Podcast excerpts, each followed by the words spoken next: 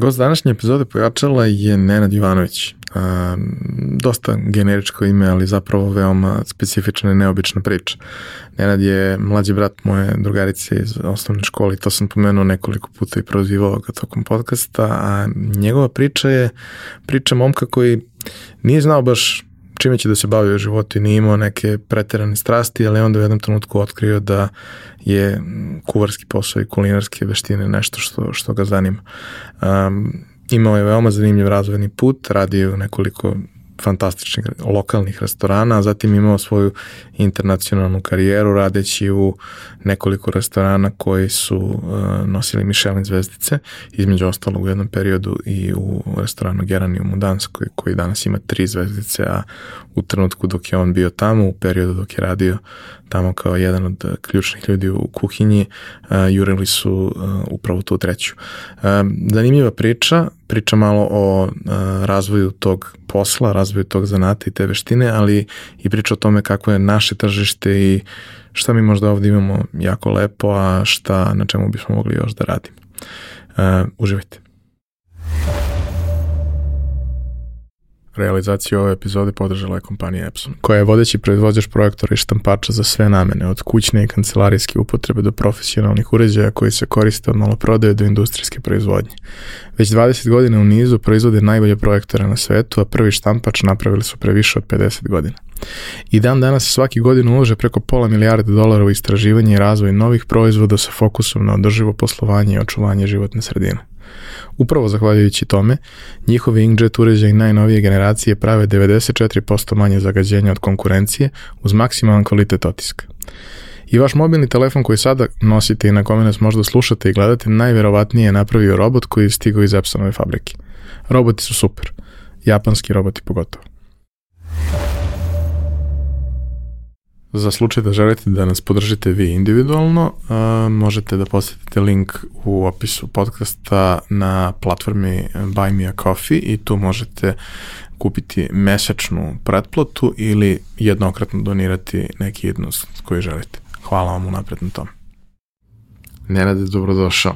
Um, ti si mlađi brat moje drugarice iz osnovne škole, moram to da kažem, ove, čisto da dam ljudima kontekst. I uh, ti si uh, u onom nekom mom periodu odrastanja bio uh, jedan od onih klinaca sa kojim, koje sam neminovno često viđao, išli smo isto u osnovnu školu i družili smo se ono privatno, ovaj, ali ti si bio jedan od onih za koje apsolutno nisam imao ideju šta će sa sobom da rade.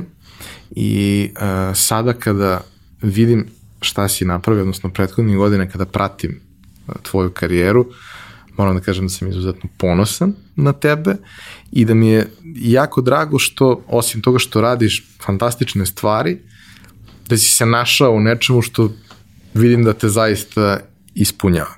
I kao što znaš, pošto a, pratiš podcaste kod nas, iako verovatno češće mog kolegu Galeba, jer to je i mnogo bliža tematika, ovaj, znaš kako, kakav je ovde običaj i kako se ovde priča. Ja moram ti pitam pitanje koje pitam sve svoje goste, a to je šta se te budeš kad porasteš i kad si iskapirao da hoćeš da budeš ovo? Ok, bolje te našao. Ovaj, pa znam drill, znam pitanje, pa i sad ćemo da damo neki odgovor. Pa u suštini kad sam ono baš bio klinac, a, par trenutaka sam se palio da budem a, skakač ono, s padobranom iz aviona varijanta, jer smo imali neki krevet na sprat, ali to je veoma brzo odustao posle prvog skoka sa tog kreveta. Uh, nije to baš bilo tako uspešno i, ovaj, i onda tu Skok je bio dobar, ali Skok prizemljenje nije. Da, da, i tu je to izostalo, kako bi ti rekao, iz, uh, s te liste želja.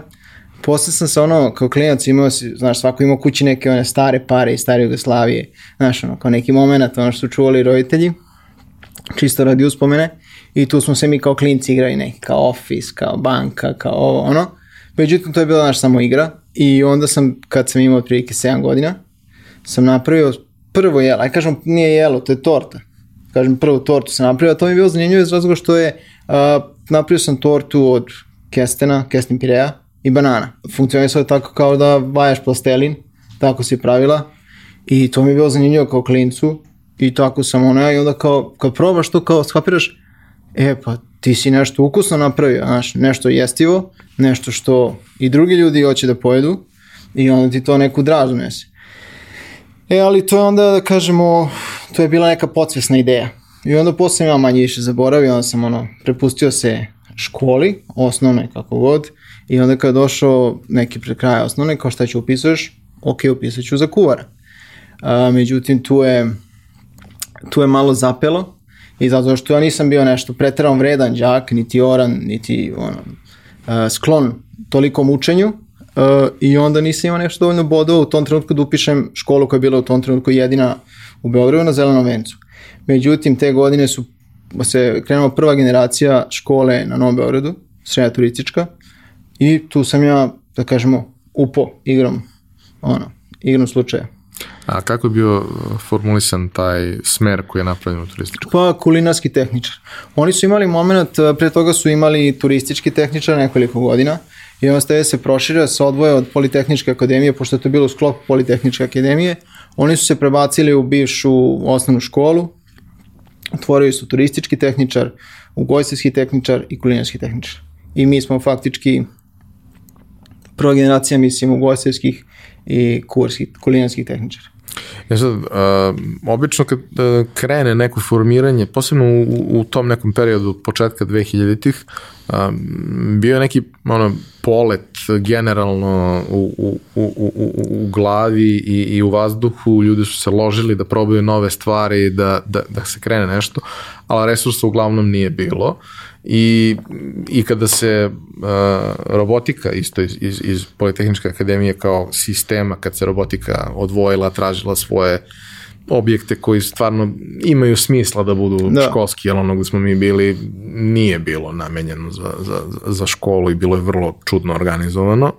Ovaj, naravno da je veliki challenge bio da, da se sve to opremi na neki način koji ima smisla. I kad si mašinac, kad završavaš neko to, da kažem, usmerenije obrazovanje, trebalo bi da imaš priliku da zapravo radiš u radionici, da, da probaš da. sve te stvari, da niko ne očekuje da će ti završiti kao stvarno dobar majstor tehničar u, u nekoj od tih struka, ali da si bar imao kontakt. I mi smo, uh, naše prakse smo radili u brodogradilištu koje Aha. nije bilo u funkciji, ali je imalo radionice koje su bile ozbiljne, imali smo deo, da kažemo, praktične nastave koje se dešavaju u školi, jer smo imali neke bazične stvari tu, nešto malo od mašina, imali smo one radne stolove koje imaju stege i sve što uz to ide, ali to je više ono manuelna varijanta, da. treba da napraviš nešto ko na tehničko. Da, da, da. Ništa, ništa preterano dalje od toga. Um, kako je bila situacija kod vas?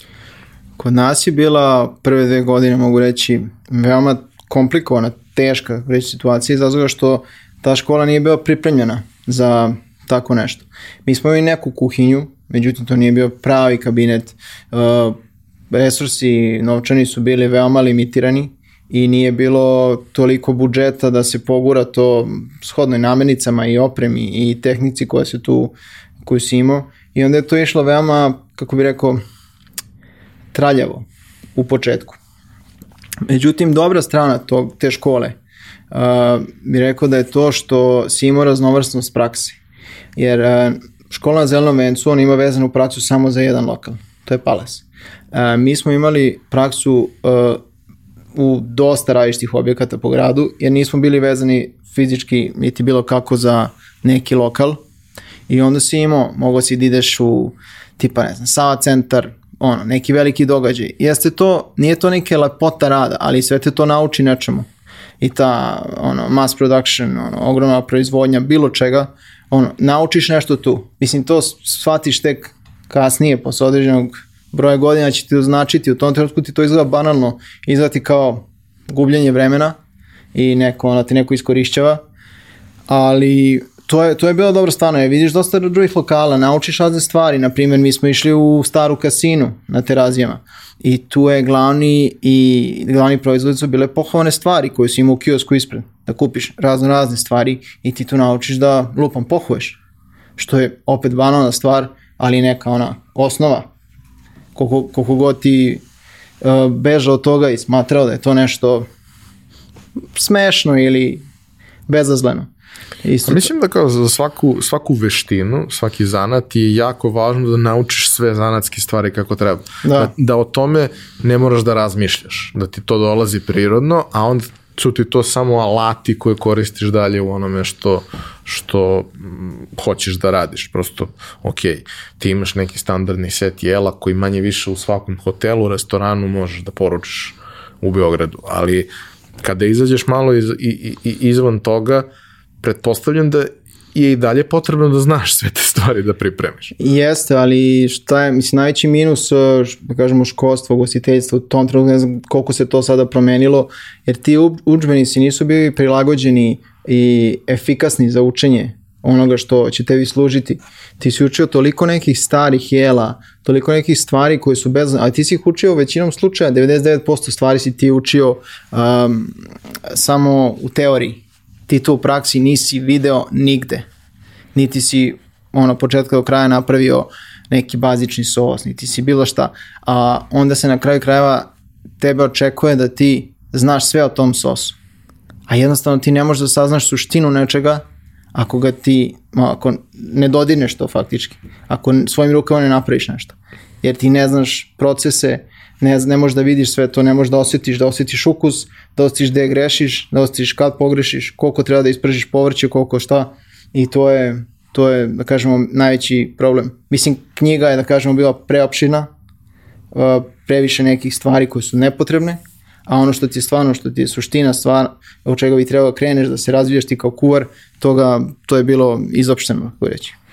Ja se sjećam uh, u nekom periodu mog odrastanja, ovaj, moj stric koji je kasnije napravio ozbiljnu karijeru uh, novinarsku u, u svom životu, je završio uh, ugostiteljsku za kulinarsku tehničara u Sarajevu tada. Zašto je on to uopšte radio? Zato što to, uh, to je u suštini bila, koliko se ja sećam iz priče dedine, kazna, jer je on bio loš đak i sve to, a to je bilo jako teško završiti. Međutim, naravno, on je krenuo i to je počelo da ga zanima. I nismo mi baš mnogo često imali prilike da vidimo to šta, šta je on znao da uradi i nije se on posle bavio time u životu. Ali nikad neću da zaboravim jedne nove godine. Uh, ja sam uvek voleo ukus majoneza, ali sam ga jako redko jeo, jer sam znao uvek da je to kao, nije to baš zdravo, može ponekad na sandvič, ali generalno redko je toga bilo kod nas u kući i kupovni majonez, zna se nekoliko brendova koji da, su da, i to da. sve. I on jedne nove godine uh, za tu neku zajedničku večeru uh, spremalo se ono salate, hladne, ovakve, onakve, on će da spremi majonez. Je kao, kako misliš da spremiš majonez, jer se to ne kupuje u tubi ili u nečem, ne neka on će da spremi majonez i sad šta sve tu ide. I ja prvi put probam majonez, pravi majonez, kakav je ukus, kakva je tekstura i odlepim potpuno. I kao, što ne praviš ovo češće? To se kao, pa si vidio koliko je cimanje.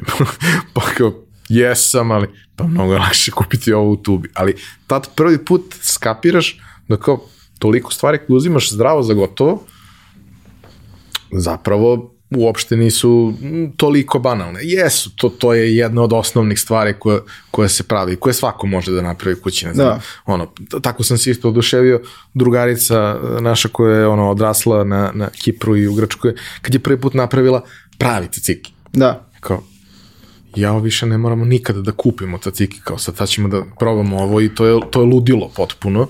Kao, brate, nije toliko komplikovano. I ti momenti kad provališ tako neke stvari, kad ih probaš po prvi put, su meni bili ono, epifanije.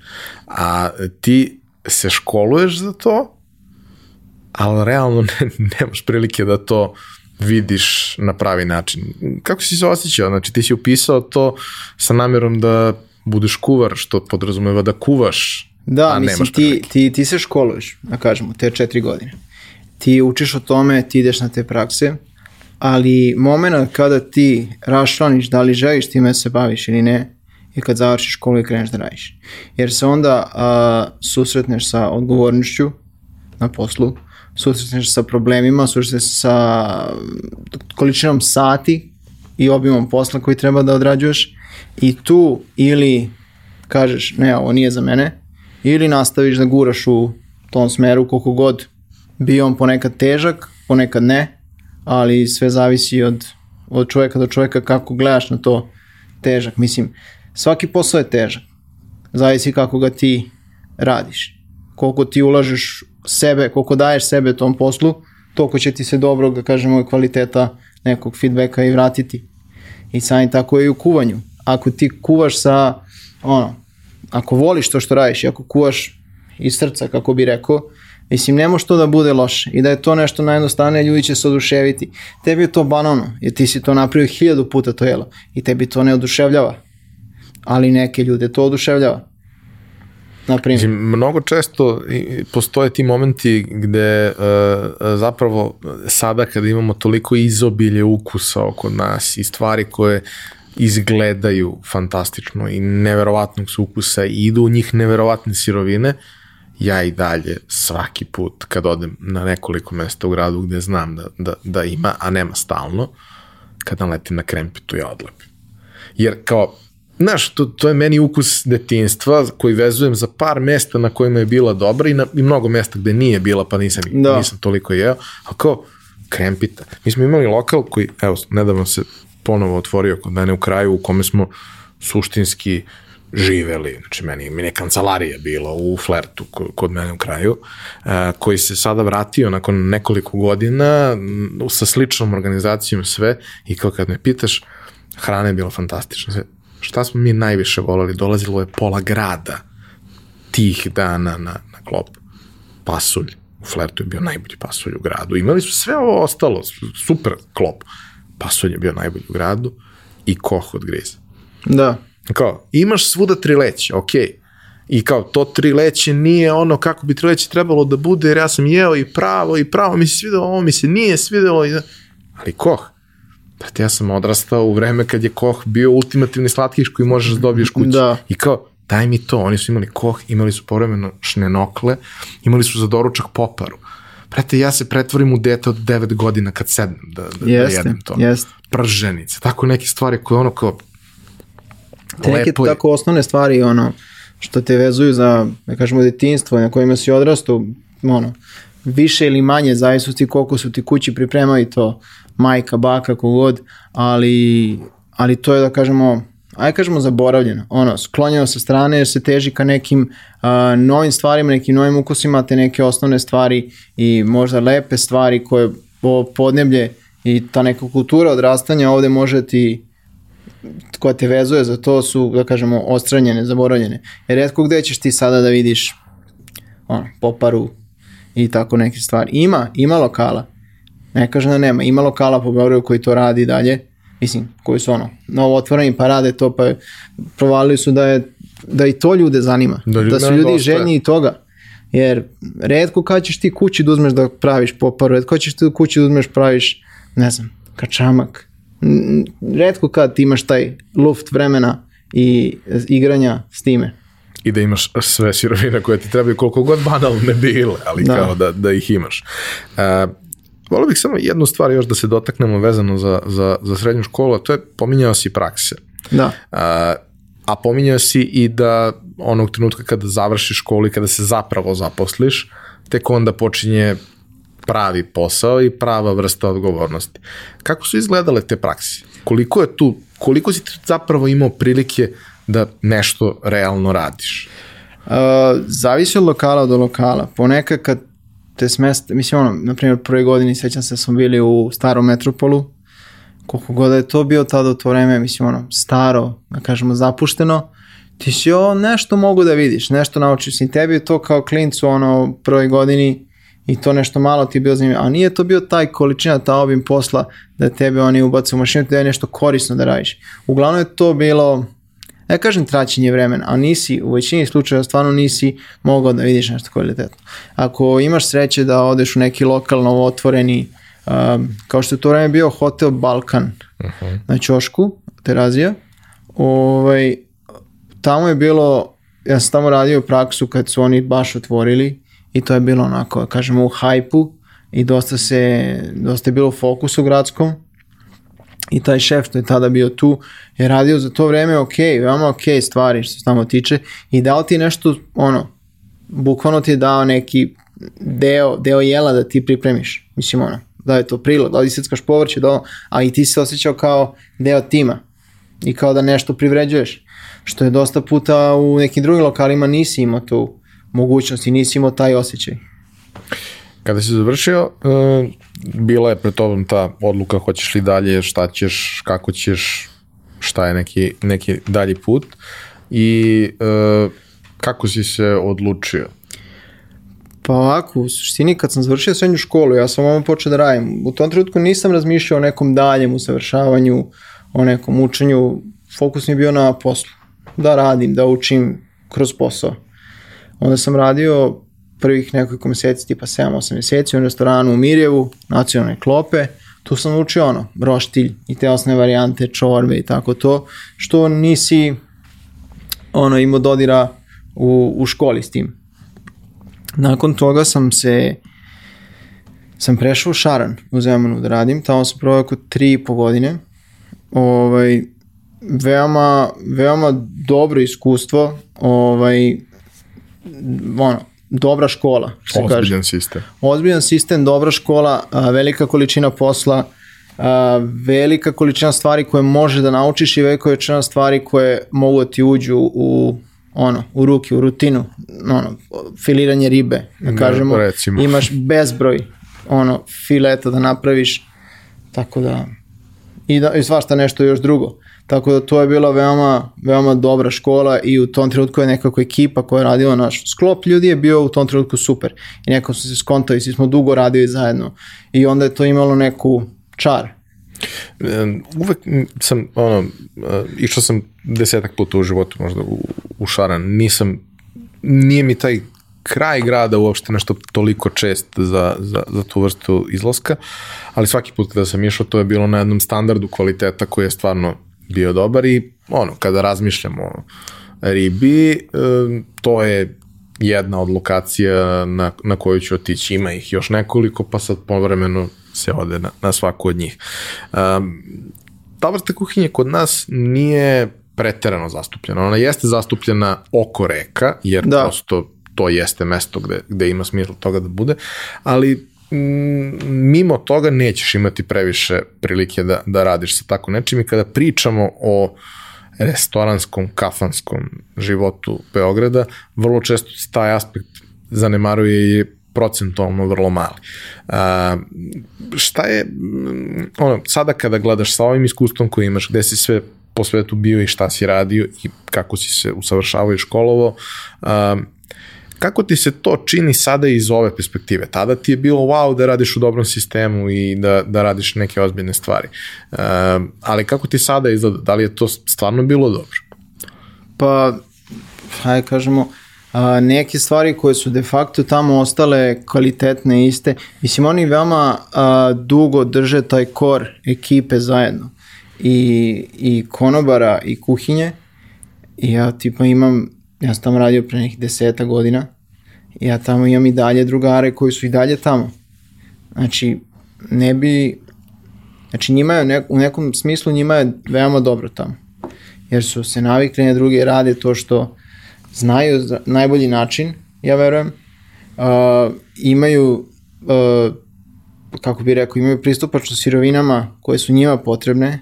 Imaju dobre kanale za uh, rečnu, za morsku ribu i znaju koliko to pripreme. A, ti ćeš tamo naći tipa smuđ orli koji je veoma dobar. veoma, veoma dobar. Redko gde u gradu je ono, ne kažem na tom nivou, ali je konstantno dobar. Tamo nema, nema kažemo greške.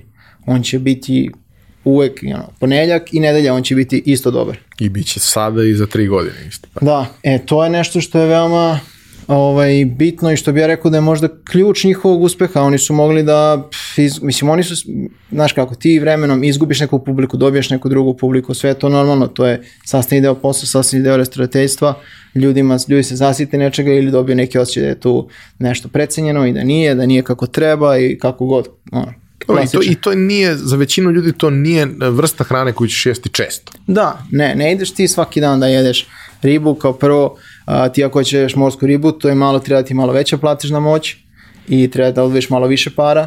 I generalno je lakše da jedeš na moru. Da, a, samim tim ljudi kad odu na letovanje more, uglavnom ispucaju taj moment uh, željnosti za ribom i morskim plodovima, onda kad se vratu u Beograd, s vremena na vreme odu. Ali, ali tu rečnu ribu oni strava, strava rade, mislim, znaju kako da rade, um, imaju užbenu ekipu i to kažem, ta konstantnost, neka kvaliteta i toga što oni nude, tih nekih osnovnih njihovih proizvoda je, ja mislim, ključ uspeha njihovog. Ovo, mislim, ključ uspeha, ključ održanja na tržištu u Beogradu toliki broj godina. Ja mislim da, da je taj moment predvidljivosti koje imaš jako važan i to da se, ok, možda se meni i menja s vremena na vreme, ali stvari na koje su ljudi zaista navikli se ne menjaju godinama da. i ne treba da se menjaju, jer kao to ste vi. Možete da ubacite još nešto, ali to ste vi. I e, Šaran, ne znam da li u vreme kada si ti radio, ali u, u periodu od prethodnih deseta godina, Šaran ima taj moment da uh, svake godine, možda i više puta godišnje, ja sad to baš ne mogu da procenim, ima periode kada ima gostovanja neke kuhinje, da, ima to... neke nove stvari dodatne koje se dešavaju, koje vrlo malo restorana u gradu ima i nekako, znaš, osjetiš se jako dobro kad imaš dobru osnovu i onda se neko potrudi da ti dovede još nešto što je, što je wow. To se radi da privučeš pažnju, naravno, ali trud je, trud jako ceni. Jeste, to su oni tada radili, to su oni početka, ja mislim, počeli da ovaj, su ubacili tu, taj moment hvarskih dana, a posle se dodao i moment Istre. Uh, hvarski dani su bili nešto posle nove godine, neki januar otprilike, a Istra je bilo malo kasnije, čini mi se. I to je dobro što totalno dva raznovrsna vrste, ono, vrste hrane i sve ostalo. I super je, mislim, naravno, to je sad raslo, to je počelo tri dana nedeljno, gostovanje da bi sad došao na ne znam koliko dugo, ali očigledno ima potražnja i tržište diktira da oni mogu da isprate toliko dugo. To, taj event, da kažemo, ovaj, gostovanja tih ljudi a, koji ceo život žive pored mora, spremaju tu ribu, odresu su na tome i oni sigurno znaju neke, da kažemo, fore i fazone kako to da urade na veoma dobar način. Jesi ti ono, u tim situacijama dobijao neka zanimljiva iskustva njih? Pa jesam, naučiš dosta raznih stvari, na primjer, jedne godine smo, znaš ono, u Beogradu, u to vreme dok sam ja radio tamo je bilo nezamislivo ti, mislim, bilo je veoma, veoma teško naći negde gde ješ jastoga. To je ono bilo, ne možeš, da, ne, nezamislivo je bilo nemaš gde, niko ne donosi to. A, možda ono po po poružbini za neku preko veze i tako to je funkcionisalo, a u restoranu nam je nije ti. E, i onda je taj kuvar sa hvara, ovaj, stari čovjek, ono veoma iskusan, on je vstećan se pravi za neki goste specijalni, imaju su, ne znam, rižoto od jastoga. E, to je, na primjer, ono, kad ti vidiš od početka do kraja kako on tretira tu životinju, kako pravi to jelo, kako završava, i na kraju ukus tog jela, mislim. Mislim, to, to su neke osnovne stvari, ali tebi samo tretiranje i kreiranje te ovo, iskorišćavanje delova i uzimanje ukusa maksimalno iz te namirnice je u tom trenutku fascinantno i tebi je to novo, nepoznato, nisi imao prilike da se susretne s tim i samim tim to je, da kažemo, on, super moment. U tom trenutku ti je wow. U tom trenutku je kako wow. Um, ti si bio tamo tri i po godine i on, krenuo si u neku ozbiljnu priču da, da, da radiš i, i ozbiljan deo posla i da imaš odgovornost i tako dalje. A, ali ti se lagano negde formirala ideja o tome šta bi teo sa, sa svojim životom. Pa da, u suštini Fremio se ideja da nešto novo nauči, nešto novo vidi, da će biti neki drugi restoran, da će biti a, neko školovanje, a, nije bilo definisano u nekom trenutku, ali u tom trenutku se nije dešavalo mnogo što što na beogradskoj restoranskoj sceni, nije bilo nekih zanimljivih momenta i samim tim samim tim sam se odlučio za drugi, drugu opciju da idem na usavršavanje. I onda sam ispitivo uh, gde ići, šta, kako, uh, gledao kako da nabavim novčane resurse i ostalo i onda sam se pripremao učići jezik, jer ne možeš ti da odeš tamo platiš toliko para i da ne razumeš. Razumeš, jednostavno to znanje koje se naučio u srednjoj škole, kažemo engleskog ili osnovi, to je nedovoljno, daleko od ono, blizu dovoljno da bude i onda moraš da radiš na tome da ono, ideš na časove i to sam se prilike pripremao godinu dana i čekao, ono, spremao se vamo tamo i onda sam otišao u Švajcarsku na doškolovavanje. E, zašto baš tamo? Pa, otišao sam tamo zato što je njihov program bio najbolje sklopljen po onome što sam ja tražio, kako bi ti rekao. Uh, ja sam kontaktirao dosta škola različitih i tražio sam im da mi pošalju uh, više informacije o njihovom programu, kako traje, koliko sati nedeljno ja imam obaveze i tako dalje, tako bliže. Ovo mi je bilo nekako naj najkompleksnije i nekako naj, najviše me držao uh, najviše sam bio zauzet tokom dana. Imao sam otprilike 10 sati uh, časova, otprilike manje, plus minus. Od toga si imao 2-3 sata teorije, ostalo je bila praksa. I ti to radiš, svašta nešto. Mislim, ono, prolaziš ti, oni su, spakuju ti otprilike u te 3 meseca, koliko je semestar, spakuju ti otprilike jednu školsku godinu. Kako bi u normalnoj školi radio. Jer to je veoma ono, intenzivno i veoma je uh, kažemo, ajde kažemo naporno, imaš dosta i pismenih i kreiranje menija i kreiranje svačega nečega i imaš taj midterm exam, ono, kao polugodište da kažemo, da imaš kao neki kao lagani ispit, ali opet je to neki ispit, tu naravno kuvaš ono, tri korsa, um, imaš, tačno mora napišeš timing, u jedan ću da stavim to, si kuvao jedan i treći ću ga skinem i ti ako ne pratiš pa je timing koji ima i profesor pored sebe, ti faktički gubiš poene. I ono, dosta je sve precizno uklopljeno. I, ovaj, I ništa, onda sam se tako odlučio za baš, baš tu školu zbog te neke koncentracije, intenziteta nastave koje su oni imali u svom programu. A kakva je bila prilika za mm, nekakav um, dodatni angažman, koliko je to sve trajalo?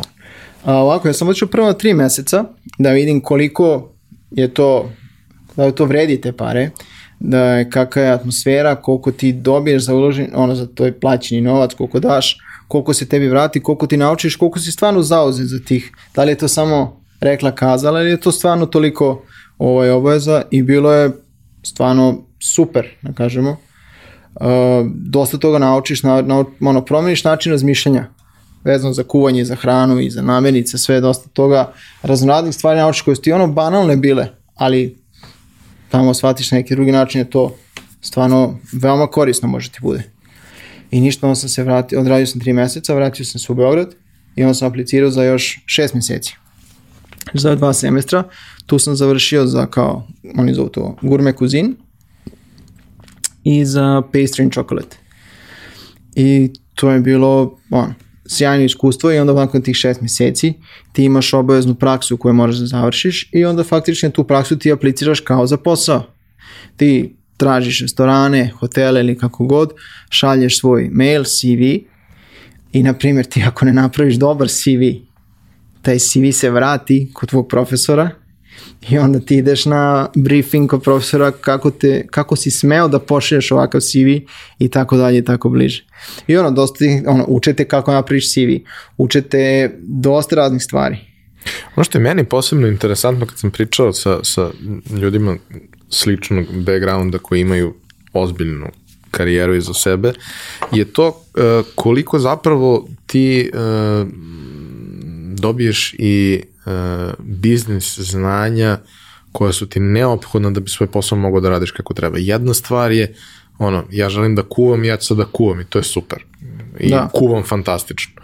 Ali napraviti da jedan restoran funkcioniše kako treba je mnogo više od toga da neko zna da kuva i mnogo više od toga da ima dobre ideje za, za recepte. Jer poenta je da optimizuješ stvar, da ona može da se spremi u nekom ra ra razumnom roku, da nemaš previše otpada, da nemaš uh, previše problematičnih namirnica koje se brzo kvare, a ne troše toliko često, da zaokružiš celu tu priču na neki način. Super je da ti imaš hiljadu ideja, da. ali te ideje ukoliko uh, ne mogu da učine da taj restoran bude održiv, džaba. Nije, nije to to. A vrlo često ta stvar zanemaruje ovde i gleda se samo čak postoji taj moment koji, koji je meni recimo ovde izuzetno, uh, izuzetno mi smeta, uh, gde se ide na to da po svaku cenu bude što veći meni.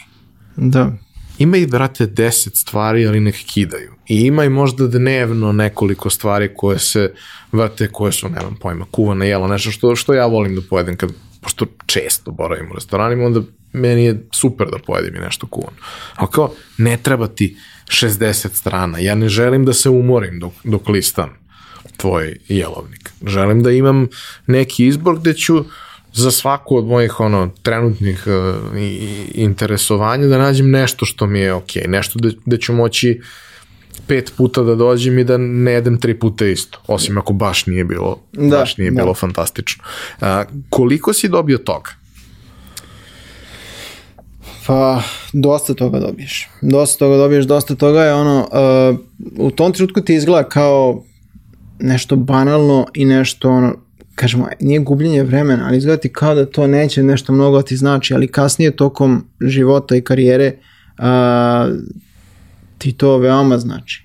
Ono, kako iskoristiš namirnice, koje, uh, na šta staviš fokus, na šta ne, a, kako da računaš, kako da kreiraš jelovnik, kako da, mislim, mi smo radili, bukvalno učili smo i kako da dizajniraš jelovnik, kako treba da izgleda, koliko to treba da, ono, da ljudima bude prijatno za čitanje, da bude prijatno za videti i ostale stvari, tako da ima tu dosta kompleksnih stvari koje nisu samo kuvanje čisto, nego dosta toga drugog i ti naučiš uh, ti naučiš dosta stvari koje, koje su ti ono aj kao čuo ti za to, ono, Swedish meatballs, a kako se to stvarno pravi?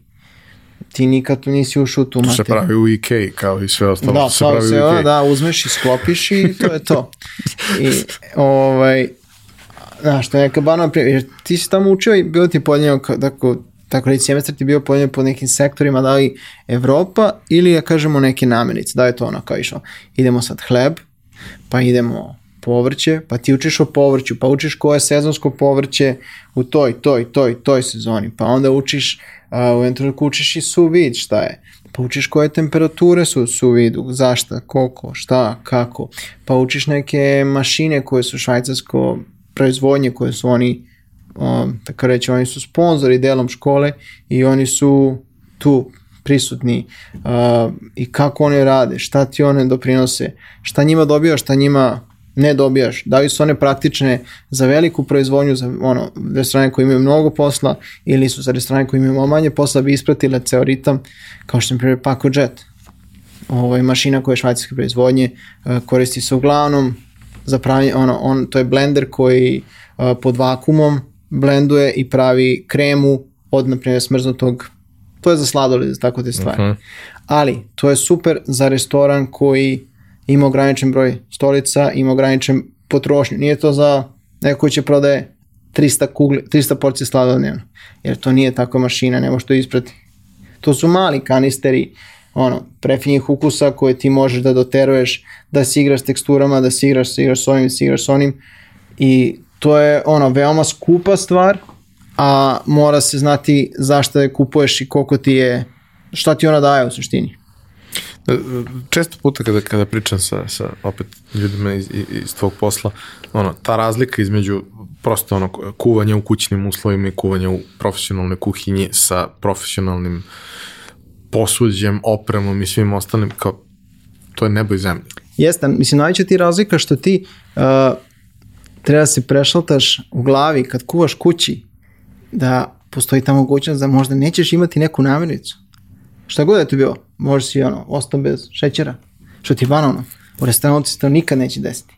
Da, tipa, ono, imaš pet iganja da iskoristiš.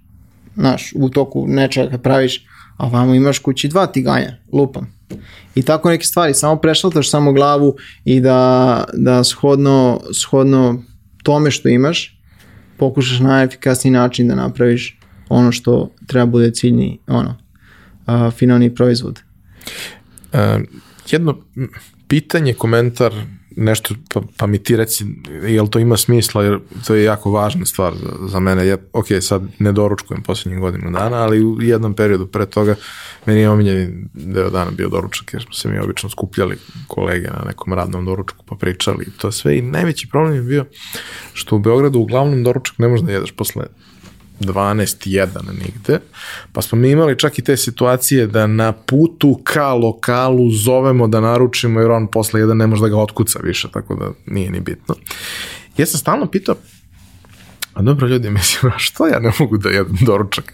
U tri popodne, kakve veze ima, vikend, ja ne znam, ono kao, ostao sam dugo na poslu ili u klabinu, nije ni bitno, kao, što ne mogu u tri popodne da naučim doručak?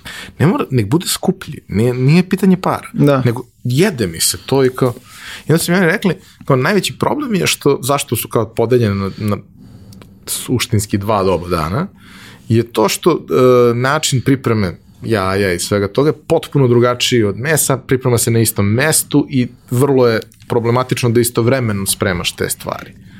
I taj moment sa kuhinjom kada, kada ti radiš u nekom objektu koji treba da napravi veliku količinu nekih jela različitih, da ti treba da spremaš mnogo različitih stvari istovremeno i da ne poludiš u tom procesu. Ali, um, kako bi ti rekao, nije to moment da ti spremaš previše različitih stvari, nego u većini slučajeva kuhinja je poprilično prostorno limitirana, ograničena.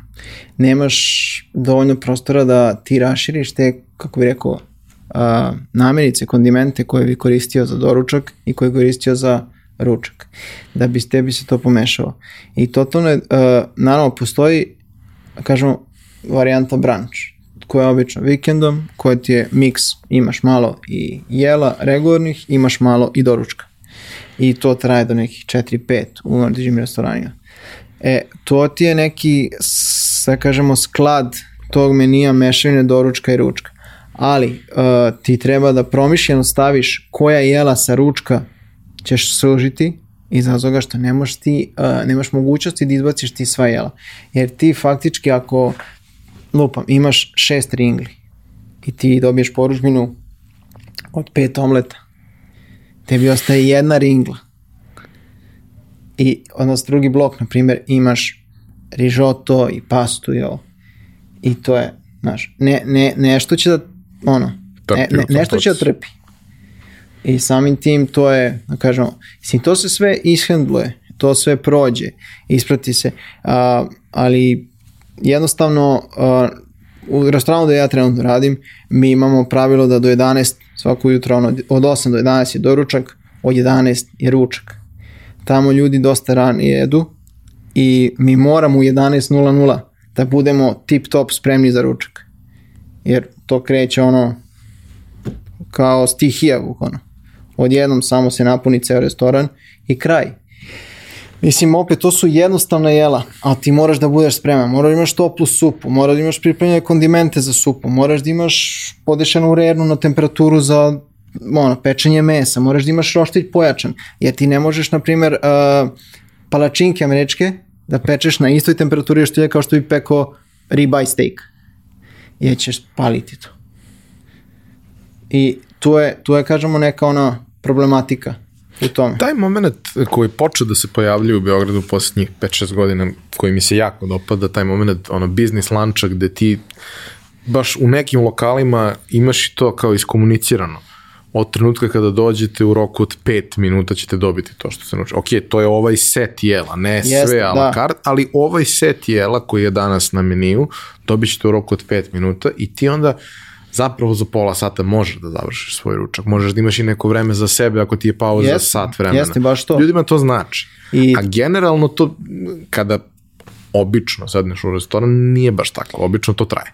traje, traje dosta duže i zato što ovde mi nemamo kulturu toliko tog biznis lanča ne, i ne, nije, nisu ta jela koncipirani, koncipirana za biznis lanč. Ti moraš promišljeno praviš uh, jelovnik tako da ono brzo izlazi. Da ne zagušiš kuhinju, da ne zagušiš gosta, uh, da gost ne čeka nešto preterano i to je poenta jer taj gost on, on ima planski da će tu provesti maksimum možda pola sata.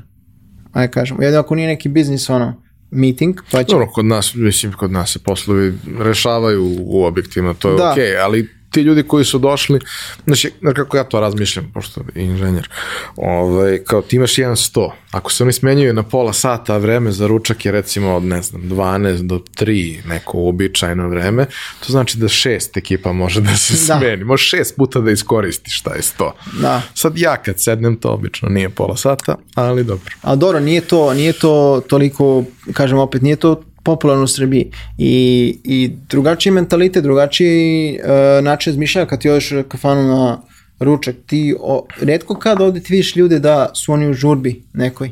Baš neko ko izađe na pauzu za ručak, na primjer, u tim kancelarijskim, uh, re, kako bi rekao, Blokovi. krajevima, blokovima, da kažeš, oni su, da kažeš, limitirani.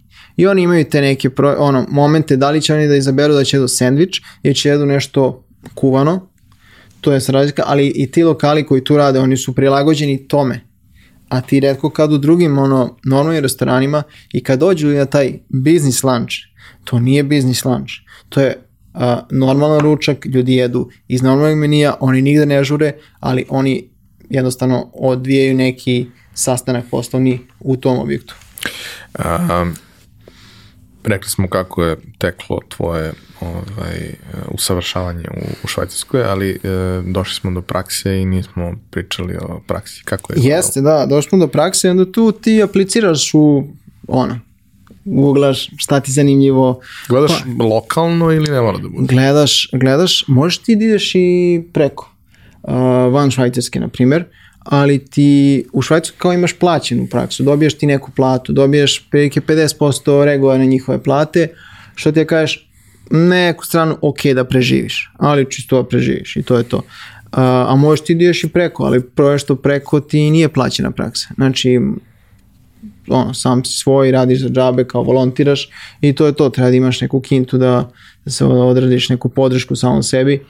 Uh, I onda ti tražiš po Švajskoj neke lepe restorane, Michelin star, bla bla bla i tako dalje i tako bliže i ti sad ono šalješ CV, dobran dobran, ja bih teo da dođem na da odradim praksu kod vas, tako i tako i sad u 99% slučaja to ne prođe. Ne, ne, jednostavno ne primaju takve džake, ne primaju takve, da kažemo, slučajeve. Drugačije je koncipirano njihovo način poslovanja i koga će da zapošljavaju i samim tim tako ti ono, kažemo, sužen izbor, imaš ti dosta nekih hotelčića manjih i tako nekih lokalnih restorana gde možeš da, ono, odeš da radiš, ali pojenta šta će ti tu naučiti. Ako je to neka, kažemo, švajcarska kafanica, znaš, nema tu neke mnogo uh, nauke i nečega što ćeš ti pretrano naučiš. I ovaj, ja sam imao u opciji, sam imao dva objekta. Jedan je bio u Bazelu rest, hotel od 5 zvezdica, ovaj, ali meni je bio zanimljivo što taj hotel ima restoran koji je imao dve ili tri mišljenja zvezdice u tom trenutku. Um, uh, hotel se zove Tri kralja, najbolji, najbolji hotel u Bazelu de facto, ali je to ogromna mašinerija. Mislim, ja sam prošao jedan put samo kroz tu kuhinju kao tog restorana samo smo prolazu dok sam išao do centralne kuhinje, ali u toj drugoj kuhinji ono, od svega, ono, od celog jagnjeta na, na platovu za koje koga na pirinču do room servisa, do ovoga, to je ono, ludnica gungula. I ja sam tu shvatio da, mislim, to je super sve, sigurno ti nauči, a to nije to što mene zanima u tom trenutku. Te ja sam nešto malo lepše da naučim, da radim s nekim ko, profi, profilisanije. Da, da, nešto onako što ono, što ti, što ti se predstavljao zadnjih nekoliko meseci u školi, o čemu se pričalo, šta si ti gledao, znaš, uh, jer ti gledaš dosta tih, uh, da kažemo, jela, upoznaješ dosta tih nekih šefova, dolazi su oni da nam drže neke, ajde kažemo, master klasove i tako neke stvari. Dođu oni naš svrati tu do škole, pa malo pričaju nama, pa tako gledamo neke fotke, pa probamo neko jelo i tako je naš to funkcionisalo. I ti se tu primiš u suštini. I primiš se i želeo bi tako nešto da i ti vidiš da osjetiš da probaš da radiš. I, i ja sam igrom slučaja upao tako, da kažemo, neki restoran. Uh, on ima jednu zvezdicu, ima i dalje, mislim, jednu zvezdicu. Uh, nalazi se na jezeru Lucern i zove se Belvedere. Uh, to je neki, kako bih rekao, sklop neke italijansko francuske kuhinje na švajcarski način. Uh, dosta lokalnih proizvoda se koristilo, dosta lokalnih sireva tu iz planina, mm. dosta ono, životinja sa farmi, dosta tu uh, ribe lokalne, ovaj, na primjer smuđa koji je tamo bio u jezeru, koji si mogao da nađeš. Ono, kupovao si, je bio skup kao da je od zlata, zato što je tu iz tog jezera, tako i tako, i cela priča iza toga. To je bilo to je bilo, da, to je bila ta praksa, prilike šest meseci sam tačno bio tamo, uh, radio sam na hladnoj i na dezertima, tri meseca na hladnoj, pa tri meseca na dezertima. Uh, bilo je ok iskustvo, uh, što se tiče posla u tom trenutku to je bilo nešto ono, wow, znaš, veoma visok highlight uh, tvojeg učenja posle škole, karijere, dobio si lepe tanjire, lep plating, dekoracije, čipseve, mikrobilja, vamo, tamo, ono, sve organizovana kuhinja lepa, međutim, toj kuhinji su samo, da kažemo, najveći problem su bili neki međuljudski odnosi, što je bilo nekako previše, previše hladno. I ti ono, radiš tamo šest meseci, uh, ali ne dobiješ, on, ne, ne možeš napriš konekciju s ljudima s kojima radiš. Sve nekako na totalnom površnom nivou. A e, generalno, mislim, imao si prilike da i pričaš sa njima i sve. Imao si sa jedne strane iskustvo uh, gde ja uvek isto smatram da kao ako u nekom objektu imaš ekipu koja je tu, bilo da su konobari, kuvari, menadžeri, koji su dugo tu, to meni govori da je taj objekat dobro mesto. Jer ti ljudi imaju izbor, oni mogu da rade. Ako su da. dobri, mogu da rade bilo gde. Ako žele da rade tu, to nešto znači. A, kakav je sistem bio, bio tamo? Je li to razlog e, te, tog hladnog odnosa bio to što klinci dolaze i odlaze i njima je to ok, a pa, oni su tu izolovani ili oni i međusobno nisu bili baš... Nisu nešto pretredno međusobno bili. Ja sam se u suštini najviše, da kažemo, aj kažemo nekom drugu, družio sa uh, jednim kuvarom koji nije bio švajcarac, mislim on je živeo tamo, on je Irak ili Iran, nešto tako neka ta destinacija, ali dosta dugo živimo, papire švajcarske i sve ostalo, ali viš da nije, malo je drugačiji mentalni sklop i družio sam se s jednom uh, jednom konobaricom ovaj, koja je radila i mi smo ponekad ono s njima, pošto smo imali te dvokratne smene, dođeš ujutru, radiš, popodne odeš malo na pauzu i vratiš se za večeru da radiš. Tako su oni uglavnom funkcionisali. I onda tom nekom, ono, tu preseku stanja, da kažem preseku dana kad imaš tu pauzu, ti ili odeš kući da odmoriš, da odspavaš, ili odeš e, preko puta, pošto to malo selo, znaš, malo selo na jezeru u Lucern, ovaj, gde uglavnom su bogati švajcaci imali vikendice, pomalo je ljudi tu i živelo, ali ljudi iz Lucerna koji žive tu imaju da kažemo neke vikendice i oni su dolazili tu ili ljudi kad hoće za vikend da dođu ili kad hoće da dođu neki lep ručak, jer ono baš te tu na jezeru, baš samom i generalno je lep ambijent. I onda sam s njima, da kažem, bio nekako najpribližnije da budem blizak.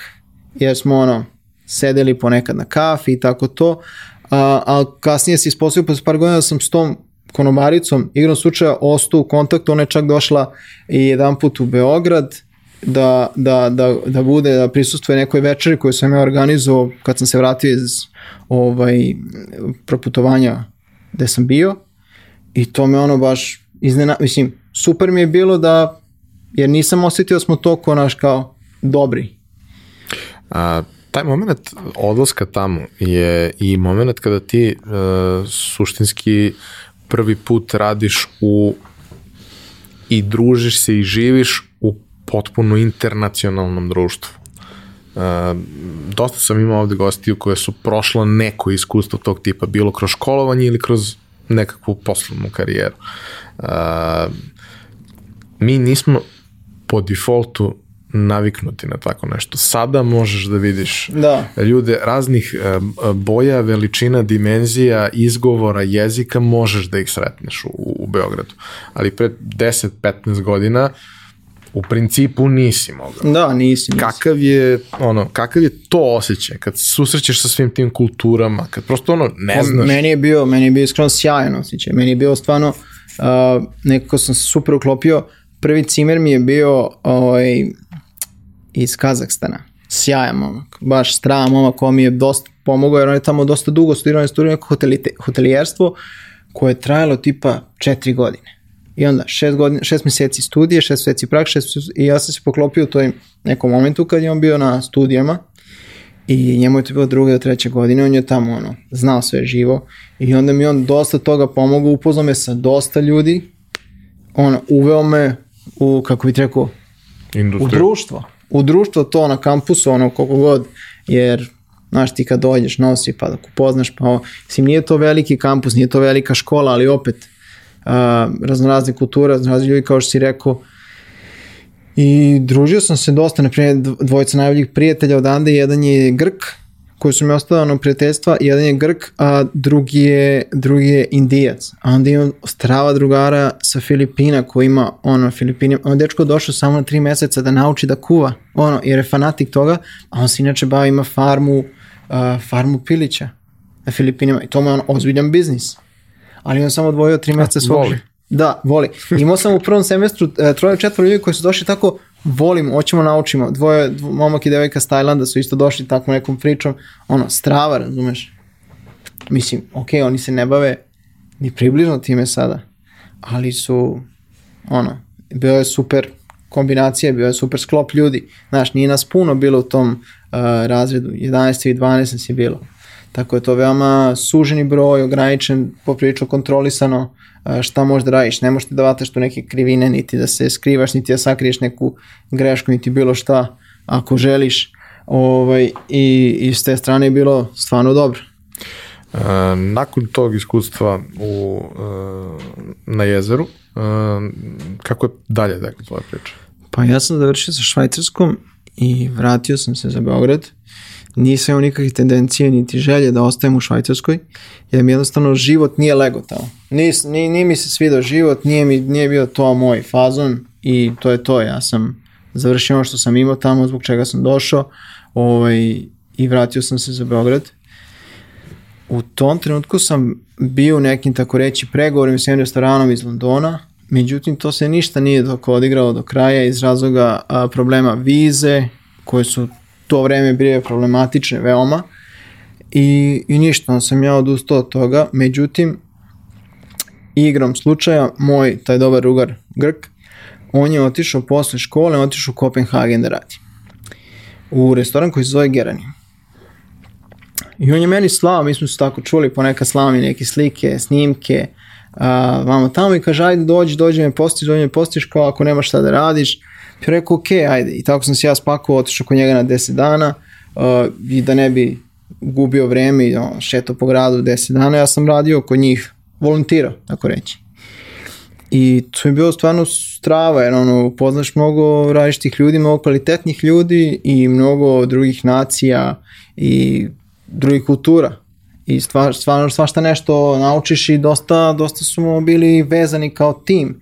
Mislim, ono... Posle, sve suprotno od onog glavnog. Sve suprotno, ali bukvalno sve suprotno uh, od toga uh, i, i u suštini to je to. Ja sam, pre nego što sam otišao odande, sam ih pitao da li možda treba neko, da li traže kuvara, da li možda ima tvoja pozicija, ali kao da ima. I onda je bilo, ajde, čućemo se, da vidimo oko papirologije šta treba mi ti pošljemo, da predaš za vizu, pa ćemo polako kad dođeš. Ja sam rekao, ok, ja sam završio tu praksu, ovaj, bio tu malo prošetao se po Kopenhagenu, vidio ga, ovaj, tu vidio se s drugarom, tim posle određenog vremena, I ništa, ono, ja sam se vratio za Beograd i par dana posle toga uh, ja sam bio na nekom porodičnom ručku, meni zvoni telefon, zove me ovaj, asistent head chef. I kao, ej, čao, šta radiš, kako si? Rekao, evo, to je bilo, sad ću reći, a, to je bio tipa utorak, a ja sam u nedelju otišao. Ili tako. Jer su oni bili, znam, uh, taj restoran nije radio, oni su radio utorak, uh, nedelja, ponedljak i utorak.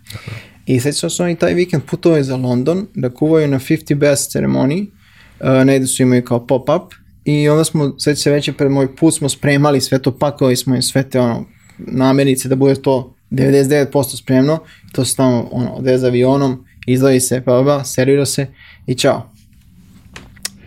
I, I oni me zovu i kao, e, kao, kad bi mogo da dođeš, znaš, trebalo, trebalo bi nam. Ja rekao, pa ajde da pogledam samo kad imam avion neki, pa ću vam javiti.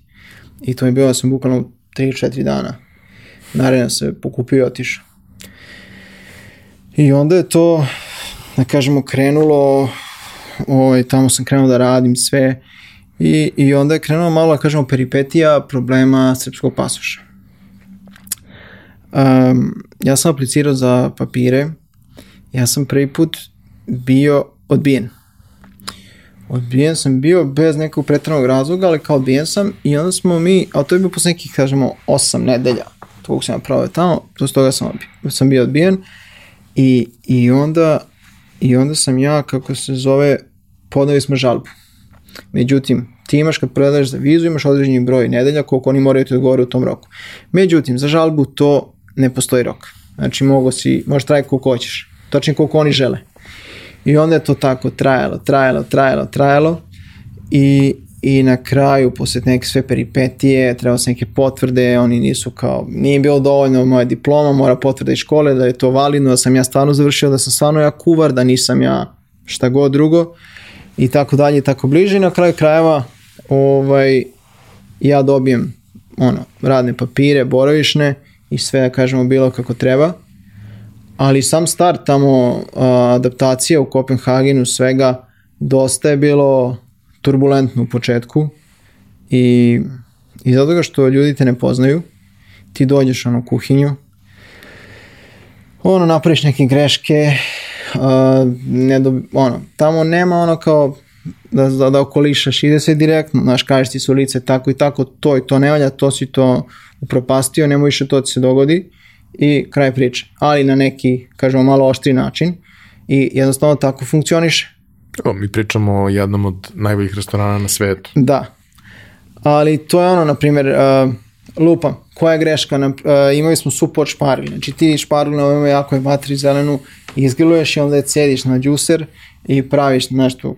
E, ako ti nju pustiš malo duže, da ona se izgubi sok već sebi, ona faktički gubi boju gubi ukus i to je totalno propašćeno. Ali meni niko, tačnije meni u to vreme šefica sekcije, nije rekla to i onda je to bilo jao kako ovo, kako ono i tako dalje, tako bliže. U tom trenutku meni je sa mnom u sekciji smo imali nas, troje smo bili, ja, jedan momak sa Farskih ostreva i ova devojka Dankinja koju je bilo malo teško razumeti zato što ona a, danski jezik kad pričaš ti ono a, prilike stavi topao krompir u usta i oprilike mumla. I tako neki, ako malo je specifično izgovaranje, i ona je poprilično dosta mumlala kad je pričala engleski.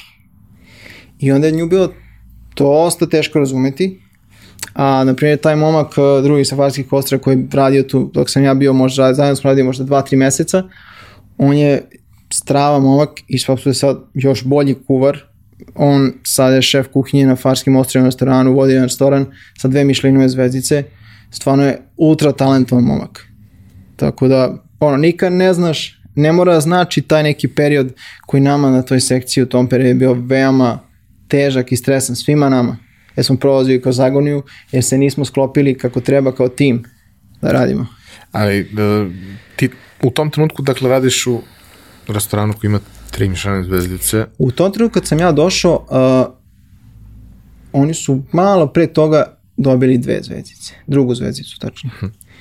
To podrazumeva najviši mogući nivo kvaliteta i standarda koje, da, koje to ti je, da pre kako kad ljudima objasnim, to ti je da igraš ligu šampiona svaki dan. Ono, da igraš ono... Uh, Tolerancija na grešku je minimalna, ne, ne postoji. Nema, iz razloga što ti sve ti je podređeno da ti odražiš savršeni posao. Imaš uh, pregraš prostora, imaš svu moguću najbolju opremu, najbolje namirnice, ne, ne štedi se ni na čemu uh, i ti nemaš mesta za grešku. Mislim, evo na primjer stvari, mi smo tamo peglali, mi smo, imali smo uh, servis koji ti donosio uniforme čiste i kecelje i ti na dnevnom nivou svaki kuvar promeni po dve ili tri kecelje. Za večeru se peglaju kecelje da nemaju one strafte od pre, preklapanja. dotle išao, znači ono, neki moment. Ono, papirne kape gore, one po PS-u, ono, starom, Classic French, pošto je moj šef bio Classic French trained, on je, on je jedini čovjek na svetu koji je ovaj, na ne, ne, ne, kako bih ti rekao, neoficijalnom uh, prvenstvu svetskom za u, u kuvanju, jedini čovjek koji je osvojio i bronzu i srebro i zlato. Znači jedini, jedino mesto na svetu gde ti možda vidiš te tri statue su tamo i u Lionu u akademiji. To je. I on je posvetio čovjek 9 godina svog života trenirajući za to. Znači ono, ozbiljan fanatik i ozbiljan mastermind, ono, kako bi ti rekao, ozbiljan način razmišljanja i pristup hrani. Osim uh, supe od šparglja, kakva je kuhinja? Kuhinja je, naravno, Nordic cuisine, New Nordic cuisine, a, dosta nekih, a, dosta morskih plodova, imao si priliku da radiš sa najboljim, ono, da kažem, najkvalitetnijim morskim plodovim namirnicama iz tog regiona. Rad, ono, mogo si, dobio si najkvalitetnijeg bakalara, imao si uh, uh, senžak školjke koje su stizale iz uh, Norveške, a koje su ronioci ručno birali dole, jer ono, da bi bila prilike iste veličine. Ono, totalno neki ono, to, i, i tebi to stigne, ta školjka koja je živa, koju ti kad otvaraš, ona, ona se bori protiv tebe da je ne otvoriš i vidiš kako pulsira i tebi to stigne prilike nam je stizalo otprilike 250 kila školjki nedeljno.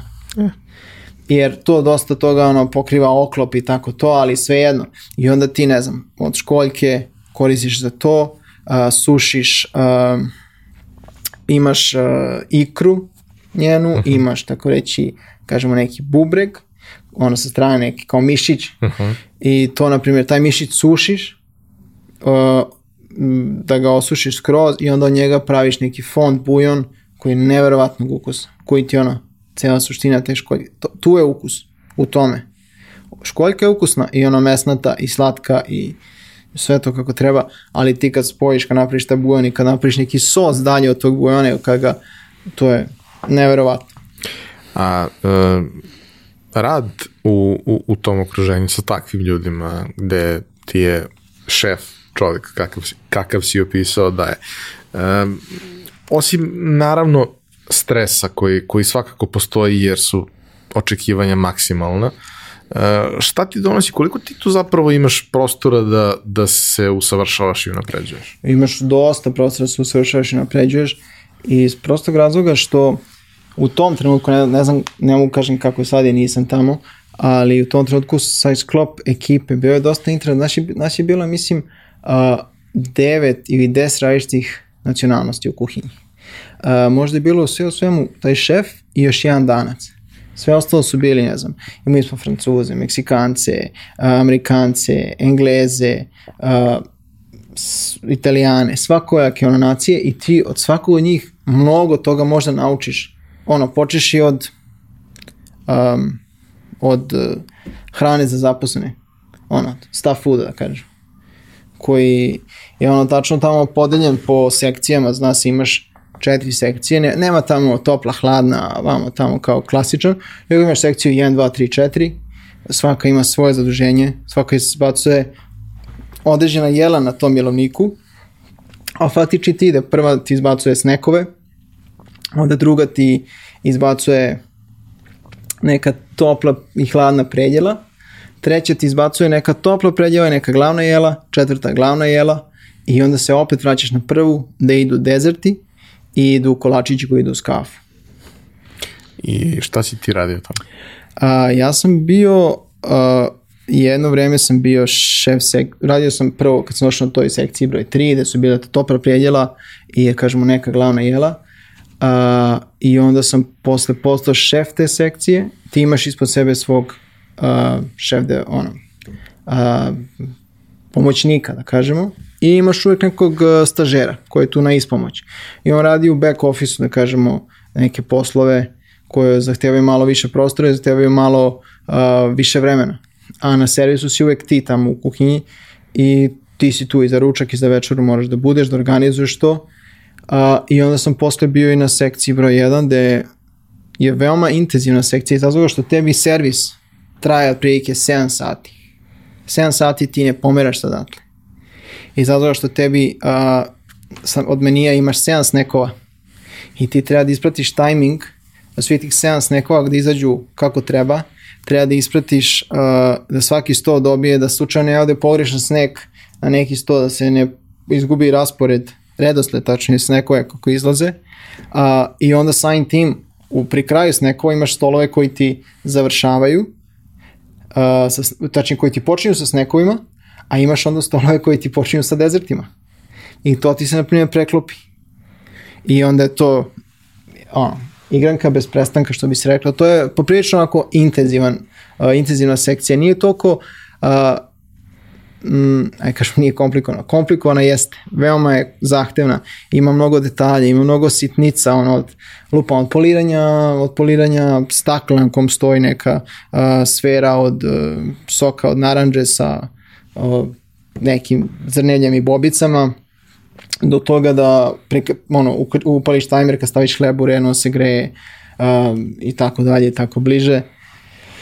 Ovaj, svega toga ima baš dosta i dosta intenzivno moraš da pratiš, ne možeš da se odvojiš jer onda izgubiš ritam, izgubiš uh, ono, desi šta si i onda je teško ponovo posle da se ukačiš sa, sa sekcijom i šta se dešava. Tako da ta sekcija je bila uh, veoma, veoma intenzivna. Što se tiče, jer iziskuje mnogo vremena, iziskuje mnogo koncentracije, ti se osjećaš mnogo umorno posle, izazova što si ti toliko fokusiran u svom tom periodu od tih 6-7 sati da to sve ispratiš svaki sto, svako jelo. Jer otprilike ti si s te sekcije izbacio 7 snekova, 4 dezerta i, i otprilike 4 uh, kovačića uz kafu. I plus hleb. 4 kolačića uz kafu. Da. Ovaj, mislim, to je, na primjer, neki čips od cvekle, to je, na primjer, jaje u prahu od bora sa nekom karamelom, ovaj, to su raznorazne neke stvari. To je karamel bombone od, so, od karamelizovanog luka umotane u providnu jestivo, kažemo, foliju ili šta od, od jabuke. Ne moraš više da mi opisuješ. Jednostavne stvari, veoma. Jasno, jasno. Uh, kako je bio život u Danskoj? Život je bio, život je bio super. Mislim, život je bio veoma dobar. Iz razloga, uh, kao prvo, bicikl je bio zakon za transport bilo gde. Svi su ga koristili, uh, svo si najbrže i najlakše stizao biciklom. Jer kad padne sneg, na primjer, u Kopenhagenu, uh, prioritet je da se očiste staze za bicikle. Sve ostalo je nebitno, znači samo očiste se staze za bicikle i onda posle ide ono prioritet drugog reda su ti ono automobilske ulice, ono, ulice za automobile i ostale stvari. Um, dobro je bilo da smo se mi kao ekipa dosta družili van posla, jer ti nisi mogu nešto se ono, poveže sa ljudima uh, iz drugih sfera životnih, jer oni su imaju drugačiji život. Ti nikad nisi mogu subotom uveče da odeš negde, jer tebi subota uveče je ono, Uvijek. završnica nedelje, uh, završava se to, uh, znaš da imaš fully booked, ono, da ti je popunjen restoran do zadnjeg mesta, i, i, i to je naš nezamislivo. I onda je tebi život se svodio u tri dana, da kažemo. Ti si imao nedelju, ponedljak i utorak. I to, to je bio tvoj, da kažemo, život. To je bio neka tvoja ovaj, tvoja organizacija života i svega i, i nikad, niko od nas, na primjer, to je, kad sad vratim film fascinantno, nikad niko od nas tim radnim danima nije mi pomišljao da izađe posle posla negde na piće. Dobro, potrošiš svak. Da, potrošiš svakako. Koliko god ti imaš nekih ljudi koji su malo ono, ono, vole da ga isforsiraju, vole da isprate tu priču zbog čega god i ono, aj kažeš, otići će na piće jedno, dva, tri, to će da mu iziskuje, ono, da mu oduzme dva sata spavanja, ali okej. Okay. Ali ne, to... Uh, zašto, znam dosta slučajeva tih restorana koji su zaista wow, koji imaju takav neki sličan, sličnu organizaciju, da nekoliko dana ne rade, da rade u određenim terminima koji nisu a, ne, ne možeš ceo dan, nego i sa svim najavama, bukiranjima i tako dalje.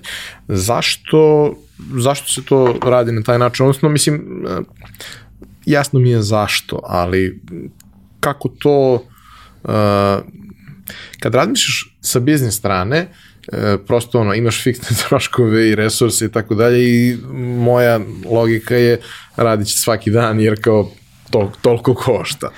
Nije održivo, verovatno, da se radi svaki dan sigurno, ali kao zašto takav baš nekakav raspored da se radi 3 dana, 4 dana? Uh, kao prvo, većina tih restorana high-end, da kažemo, u koji se bave tim kuvanjem, redko koji restoran radi u m, pozitivnom nekom skoru finansijskom.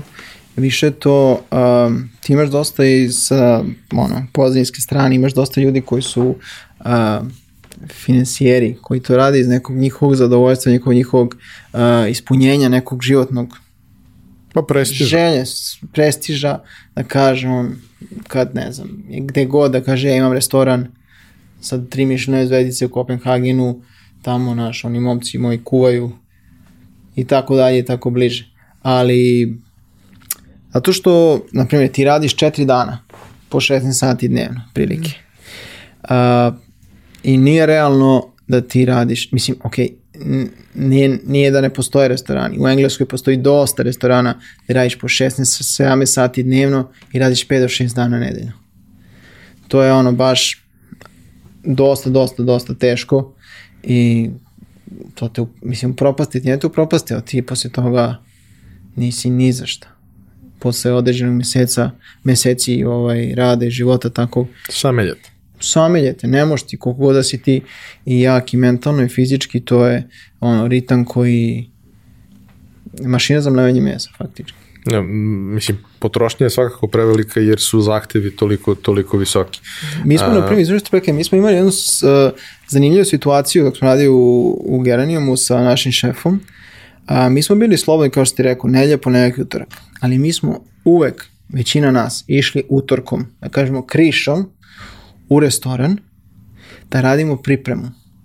Da ne bi nešto zafalilo u sredu za servis. I on to, to on je nas puštao da budemo tu možda sat, dva, kao dođeš nešto završiš.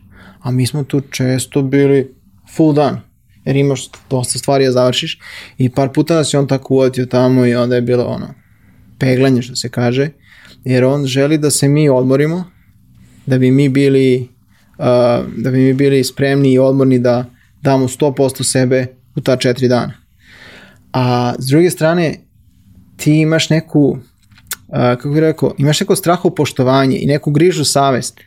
Uh, on nikad neće da viče na tebe nešto, a i on će nešto, da ti kaže, jesi ti njega razočarao i to je nešto u tvojim nekim, on u našim očima je to bilo više nego bilo šta drugo ti kaže. Jer ti njega gledaš sa ogromnim poštovanjem i uzimaš to što ti on kaže veoma ozbiljno i tome se, da kažemo, uh, time se vodiš. I onda ti ono, to kad ti on tako kaže, ono, uh, bilo, mislim, ti nisi plaćen za taj dan, ti nisi plaćen, to ti nije ono, to ti je tvoje slobodno vreme, ali niko od nas to nije gledao na taj način, zato što smo, nekako smo razmišljali na drugačiji način, svi tamo koji smo radili. Cilj ti je da napraviš rezultat. Ti ti napraviš najbolji mogući rezultat, svima je bio cilj u to vreme da dobijemo tu treću zvezdicu, svi smo išli ka tom cilju i radili smo ka tome i dosta je to, aj kažemo, nije se pričalo o tome, ali opet se pričalo o tome, jer ti svako jutro kad dođeš na posao, mi imamo zajednički doručak, sedimo svi zajedno pola sata, pijemo kafu, ko će doručkuje, doručkuje i pročitamo uh, listu rezervacija za taj dan i onda ti tu istražuješ ko može biti mystery guest. Znaš, ono, single dineri su uvek neki, znaš, moguće biti, moguće da taj neki mystery guest, moguće da je taj odavde. Pa onda prepo, ono, uh, ti faktički moraš i da izgooglaš te ljude, da vidiš, možda su oni neki poznati, možda su oni neki bitni iz industrije. Moraš da ih prepoznaš. Jer ne napišu oni u rezervaciji, Šta će ja da se sam bave? taj taj i tamo i tamo vodim to. Ne pošli u CV. Da, i onda ti moraš da uradi, mislim, to assistant head chef uradi, ono, i onda uradimo briefing, i onda tu su naravno i, i alergije i svašta nešto. Ono, uvek tu napišu neke alergene, onda ti moraš da znaš, tačno i znaš svaka sekcija se izjasni šta će umesto toga da servira. Za svako jelo faktičko imaš neku zamenu u vegetarijanskoj opciji. Ili ono, no shellfish, no, no, no. I, I onda to se tako da, kažem, odredi taj briefing koji je veoma veoma efikasan i veoma koristan. Isto na taj briefing kad e, se dešava kad ti dođu ono, stažeri, ujutru kad sedneš, oni ustanu, predstave se, ti im kažeš ono, dobrodošli, kako god, i, i on, nastavite da radite. I onda kreće Mašina. mašina da bilo je to dosta ono uh, poslova koji iziskuju mnogo vremena. Ko je ono, kako bih rekao, never ending story. Jedno od dijela je bilo, ti si, mi smo pravili seno od uh, vlakana uh, uh, svinskog paufleka. Svinski pauflek skuvaš do neke, do nekoj temperaturi, do nekog momenta i onda pincetom cepkaš vlakna i sušiš ih da bi napravio to seno na kome će stojiti neko jaje i tako dalje tako bliže i tebi je prilike za jedan taj pleh iscepkanih tih čuda treba 45 minuta, a jedan taj pleh je dovoljan za dve porcije. Ti svaki dan imaš za ručak oko 30 do 40 ljudi, a za večer 45 do 50 ljudi. To je... Bože što ste vi volili sebi da komplikujete život. O, nismo, mislim, mislim ono, uh, aj kažemo to je šef. Na, najgore, mislim, na, na, najgori moment su ti bili kad on ne može se skonta u glavi za to jelo kako že izgleda. I ti završiš večernji servis, on za to vreme u beku stoji i pravi neko novo jelo. I on na kraju servisa ti on kao hvala Bogu za što za danas i on ti ne i kaže evo ovako ćemo sutra ovako jelo da radimo. I ti kao ok. I ti ono kao ok, sutra dolazimo u 7, inače bi došli u 9, a sutra ćemo doći u 7, ja ne znam šta sve treba pripremiti. I ti pripremaš, pripremaš to da bi došao ručak, da bi servirao možda to jelo, a možda ako imaš sreće, ako se ono da predomisli tokom noći. I onda prođe ručak i on tuku pauzu među ručka večere ti kaže, e, a sad ćemo kao, sad ćemo da promenimo, pravit ćemo totalno drugačije nešto. Izmenit ćemo to je ovo skroz. I onda povuče, na primjer, zamjenike šefova i kaže, ajde malo, te pomozite, naš. a to ti je ono, vremenski period sat, sat i po vremena do servisa prvog tog jela. Znači, servis je počeo, samo tvoja sekcija nije došla još uvijek na red i ti imaš da kažemo nekog lufta. Pa kao. Da. šta ti je bio naredni korak? Šta mi je bio? Naredni korak. Naredni korak, uh, ono izgeranju sam otišao i postao, kažemo, previše komforno, previše mi je lako postalo. Ušao sam u sistem, ono, naučio sam kako funkcioniše, naučio sam šta uh, taj šef hoće, naučio sam, ono, kad mi on kaže hoću to i to, ja znam u kom pravcu, ja znam kako to napravim, da bi to došli do približnog nekog uh, finalnog proizvoda. Uh, I poslovno je previše lako, uh, primjer, ja sam već treći dan, ono, polovina trećeg dana kad dođe, subota, ono, petak kad dođe, ja sam prilike spreman za, do kraja nedelje, imam sve isporcionisano, imam sve spremno, sve soseve, sve porcije, sve i za backup imam još i ono, ja faktički nemam šta da radim, da pomažem raznim sekcijama, razne neke druge poslove, organizujem, da kažemo, komore, sređujem. Imali smo prostoriju koju smo zvali disko, tu smo čuli mikro, o, gajili smo bilje, mikrobilje koje, kasne, koje kakve začine jestive, a disko što ima one uh, lampe. Aha, uve. Uve lampe i onda kad uđeš ovaj, s te strane u kuhinju, uvek prođeš tu prvo kroz disko i onda uđeš dalje u pripremu kuhinju. Tako da i to je ono neko bilo neki, nisam, nisam nikakav da kažemo neko nesuglasicu s nekim, niti bilo što da je to neki razlog mog odlaska, nego je samo neko, nije zasićenja, postalo mi je, kažemo, previše komfortno, previše dosadno i lako. I? I onda sam se prebacio u restoran koji se zove Studio, to je restoran s jednom mišljenom zvezdicom i tu je šef bio čovek koji je a, radio u Nomi kao research and development oprilike oko deseta godina sjajan tip, sjajan kuvar, to kompletno drugačiji stil kuvanja. Uh, dosta dosta fermentacije, dosta tako nekih zanimljivih čudnih ukusa, dosta kombinacije Azije tu bilo, ali uh, opet i tu sam, nešto, tu sam ostao nešto kratko, tipa nekih 5-6 meseci, jer mi je opet, da kažem, postalo mnogo, da kažemo, lako i, i onda sam rekao, ajdemo, treba mi neko, no, ne, neki novi izazov, neka nova zemlja, na primer, ili nešto gde sam potpuno gde potpuno čemu ne znam ništa. Izvan zone komfora. Izvan totalne zone komfora. I onda sam imao ideju da idem u Aziju da radim, uh, na Tajland, međutim, uh, nije to baš tako jednostavno otići na Tajland, pošto ti misliš kao, ok, Tajland tamo prihvataju, ti si dobrodošao, Pa nije baš, zato što oni teže da zaposle lokalno stanovništvo. No, ti si dobrodošao kao turista. Ti si veoma dobrodošao kao turista.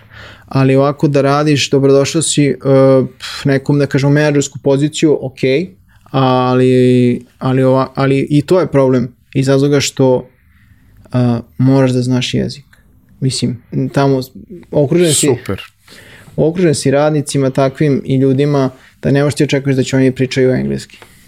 I ti samim ti moraš da znaš ovaj jezik, a i u dosta, dosta restorana i svega sam dobio odgovor da ne zapošljavaju non taj ljude, ono. Ne, ne, ne postoji ta opcija.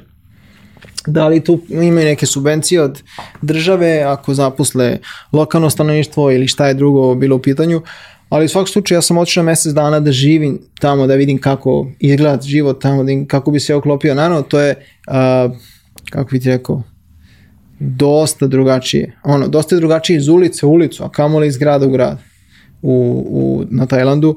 Uh, naravno, mislim da bi bilo zanimljivo na neko vreme, a mislim da bi bilo veoma teško. Veoma teško se prilagodiš, ali mislim da bi mi uh, u kuvarskom značenju i smislu i u po nekom uh, smeru to dosta pomoglo, jer bi osetio, naučio dosta novih ukusa, vidio dosta novih stvari, uh, tehnika kuvanja, uh, tretiranja namirnica i ostalih stvari koje su nama u Evropi poprilična ne, nepoznanica. Ja moram da kažem da ono, kao klinac držao sam se u principu ono naše tradicionalne kuhinje prilično. I jednom sam ono napravio iskorak ka azijskoj kuhinji tako što me moj dragi prijatelj Nebojša Radović nagovorio da probam i od tad sam se u principu zaljubio u azijsku kuhinju generalno. Da. I uh, to ide do tog nivoa da, ok, ja svakako volim sve to što, što oni spremaju, bio sam u Japanu, bio sam u Kini, ok, u Kini se baš nisam sjajno proveo, ali dobro, to sad nije važno, ali ono što jeste ovaj, negde ono važno, svaki odlazak uh, u Ameriku, a išao sam često i dosta sam često išao u Teksas, postoji jedan shopping mall koji je negde, mislim, ne dođi u odnosu na ono mesto gde, gde ja obično budem. Ima sigurno pa 70 milja da se vozi. Ja sam jednom išao uh, u njihov food court i probao tajlanđane.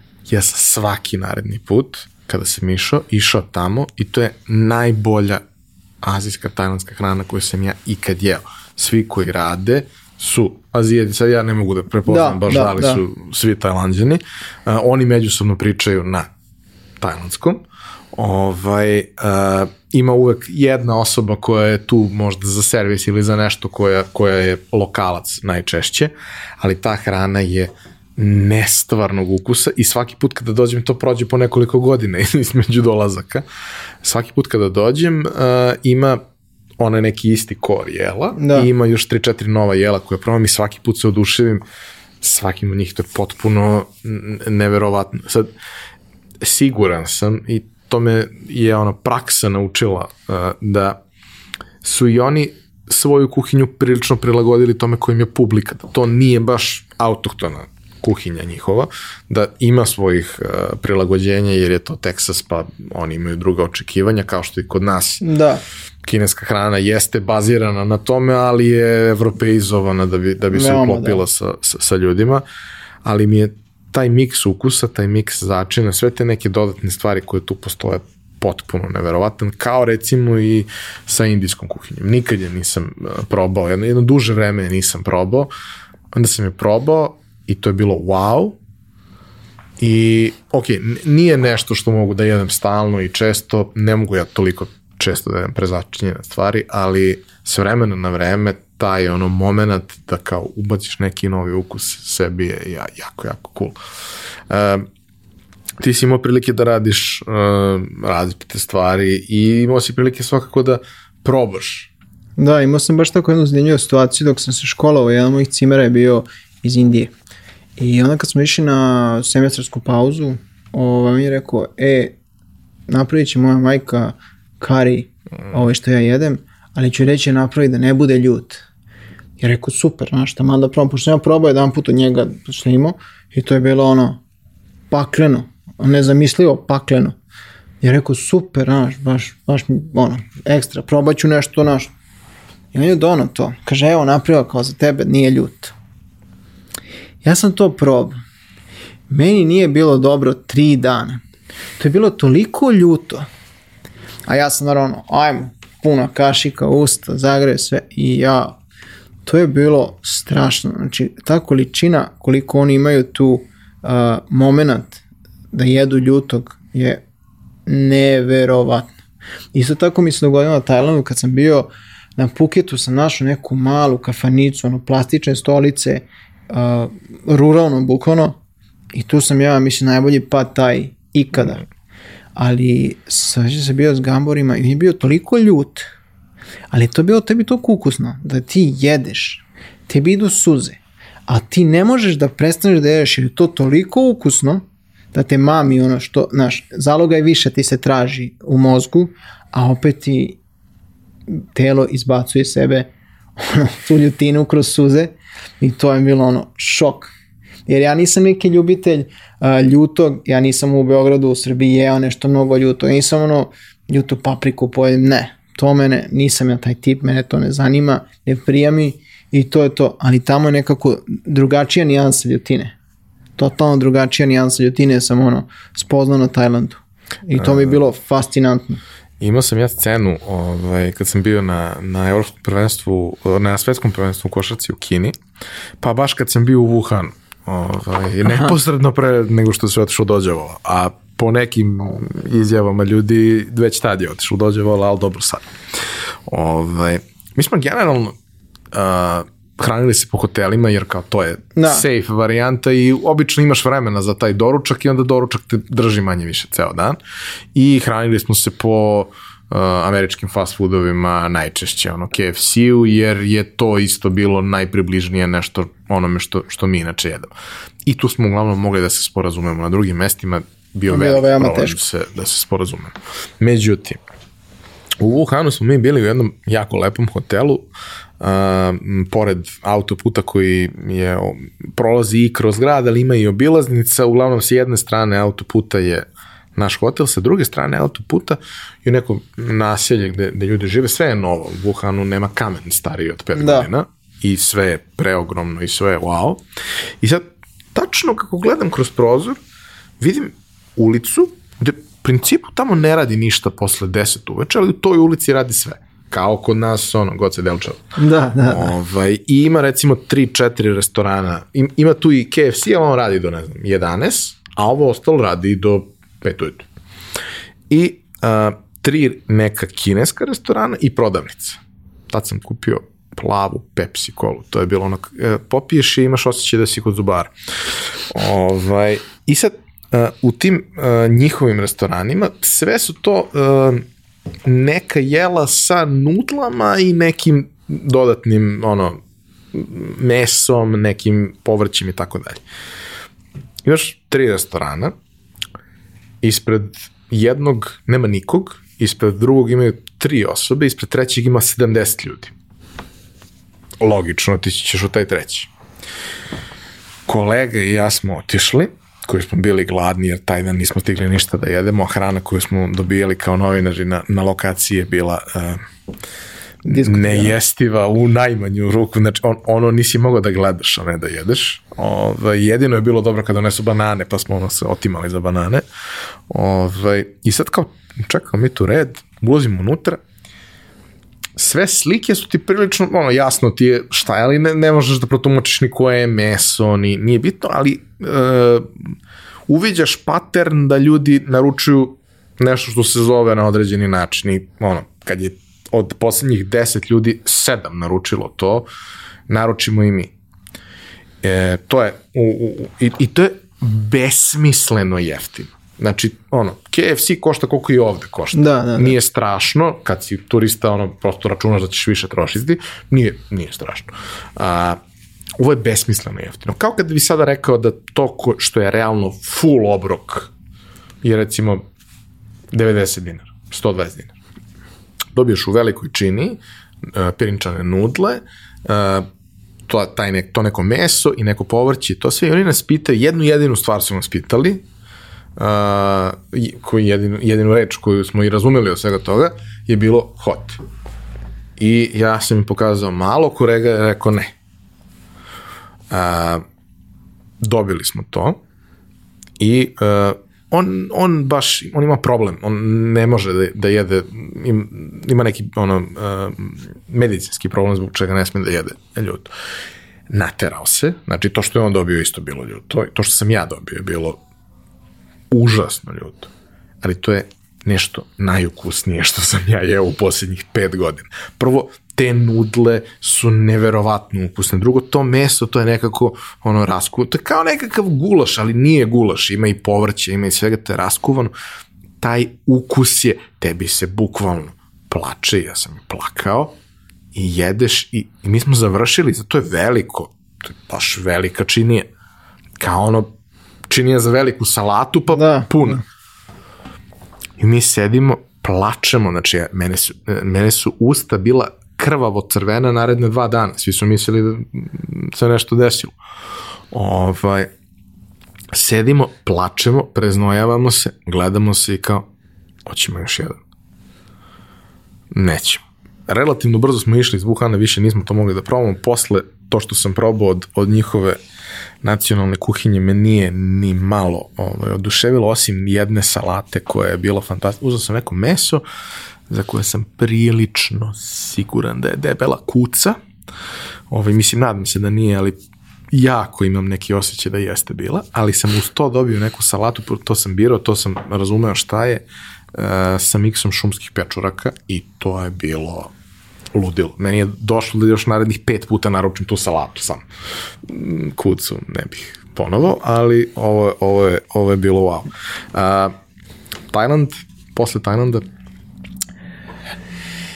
Posle Tajlanda sam bio sam bio u Beogradu. Sam bio u Beogradu, malo sam ovaj, po Beogradu radio sam, kažemo, neke konsultinge u određenim lokalima, a, pomagao, znači kad sam se vratio, kad se vratio iz Danske, ja sam napravio neki event, kažemo neku večeru, a, nazval, zvao se North Meet South. A, gostovali su ti moji drugari iz Danske, gostovao jedna devojka što je Cat Sommelier sada u trenutku u jednom restoranu u Danskoj sa dve Michelinove zvezdice. Tamo je drugar njen suprug koji je tamo uh, sušef. Trenutno uh, gostovao je taj drugar Grk koji je trenutno neposredno stvorio u Atini svoj restoran. I, i ovo je još jedan momak koji je isto somelije i ono, šef servisa, kako bi ga nazvao. Ovaj, njih četvoro su došli, kuvali smo zajedno uh, u jednom restoranu koji smo ono iznajmili za tu svrhu, prodavali smo unapred karte, uh, svašta smo napravili za taj event uh, i bilo je baš, da kažemo, super i onda sam posle toga tu malo bio po Beogradu, radio tu i tamo ovaj, neke konsultinge i neke unapređenja nekih kuhinja i nakon toga sam jedno leto otišao sam, bio sam u Splitu. Tamo sam bio tri meseca, radio sam u jednom restoranu, vodio sam, ja zajednički prijatelj me nazvu i on, kaže, jedan drugara u Splitu ima restoran, naš su upoznati, mi smo se upoznali tipa par meseci pre toga, on je dolazio u Beograd, sve se ispričali, super, naš. I, i nakon toga smo se nešto čuli da ja dođem u, oni smo me pozvali ko će dođu u Split, ja sam rekao, ajde, što da ne, uh, bolje da budem u Splitu tokom leta, nego budem u Beogradu.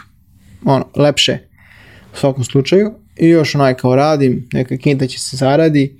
Uh, i bilo je to sasvim fino iskustvo. Tri mjeseca sam bio tamo, vodio sam, bilo je veoma, veoma dosta posla, uh, uh, veliki obrt gostiju, prilike 450 do 600 ljudi mm, dnevno je prolazilo. Uh, za večeru su tri puta prilike okretao sitting i, i bilo je onako intenzivan posao, ali bilo zanimljivo jer to mi ja mislim, bilo, da, to mi je bilo prvo iskustvo da ja, kažemo, vodim kuhinju neku.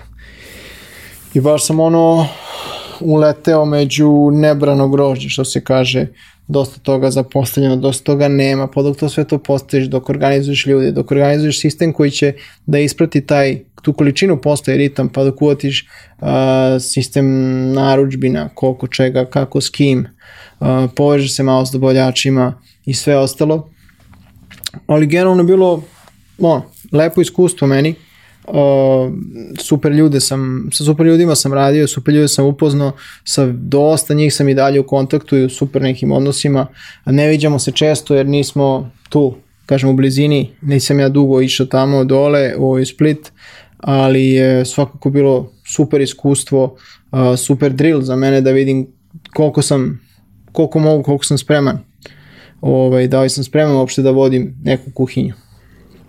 I onda sam se posle Splita vratio u Beograd i ja mislim da sam posle Splita ja išao na Tajland. Da, nakon Splita sam ja otišao na Tajland na zimu i, i onda kad sam se vratio sam počeo da radim u hotelu Marriott u Beogradu. Koji je tek otvoren bio? Pa nije bio tek otvoren, on je otvoren bio neko vreme, ali je to sve nešto, ono, na, kažemo na, na pola se sve da nešto radilo, koliko sam ja ovaj, shvatio. Nisam nešto bio u toku šta se tamo dešavalo i ja sam nešto sasvim slučajno tamo aplicirao, aj kao, aj da pošaljem. I onda sam odradio taj intervju, tu sam malo popričao s njima i jednostavno zbog jedne jedine stvari sam ja prihvatio, e, ja generalno ne volim hotelski posao, ne volim a, taj moment a, proslava, banket sala, banket pripreme, te megalomanske tih stvari, to me uopšte ne, ne dojmi da, niti volim to da radim. I samim tim sam neposredno pred Marriott sam isto i odbio jedan drugi hotel ovaj, koji mi je nudio posao iz baš tog razloga što su oni imali te sale, imaju su i prosle, imaju se, radi se mnogo, imaju su banket kuhinju svoju odvojenu sa strane i svašta se radio i mene to jednostavno nije zanimalo se ja s time bavim. A, nakon toga sam dobio Meriota ovaj, ponudu i prihvatio sam to, dogovorio s njima, prihvatio sam ponudu zato što oni nemaju banket salu. Njihova banket sala je 20-30 mesta, ma, ma nije ni toliko. I jedina mogućnost banketa je da se zatvori ceo sprat gde je restoran i bar i tu ako hoćeš nešto organizuješ, to je to. Ali fokus je bio na tom restoranu, da pokušamo koliko toliko da taj restoran nekako uzdignemo, izgradimo, nešto napravimo od toga. I... Tad sam ja zapravo iskapirao čime ti baviš. Jer je to dosta bilo vidljivo u medijima šta ste uspeli da uradite. Pa, znaš kako, uh, to je, aj kažemo, bilo je vidljivo, ali uh, s neke strane uh, nemaš ti u Srbiji neke relevantne, da kažemo, kritičare za hranu. Nemaš. Iz razloga što ljudi nisu Nije nisu, nije da oni ne znaju, nije da, ne, nije da nema ljudi koji ne znaju o hrani, koji ne umeju prepoznati dobro, ali nemaju taj ono, uh, finansijski moment koji može da ih, uh, da im pristup, da im omogući da idu po restoranima i da objektivno sagledavaju, uglavnom su to neke neka ono, sponzorstva i neke tako stvari, tako se krećeš po restoranu. Mislim, nije to samo u, u Srbiji, da se tu je dosta zemalja, veoma je redko, redke zemlje da imaš ti neki food, da kažemo blogera ili food kritika koji stvarno objektivno to govore. Ali, ali to, da kažemo, to, toga nema u Beogradu i teško će ga biti u skorije vreme, što je što je, kažemo, greota, jer nemaš ti neku realnu sliku, a pročitaš o dosta tih lokala.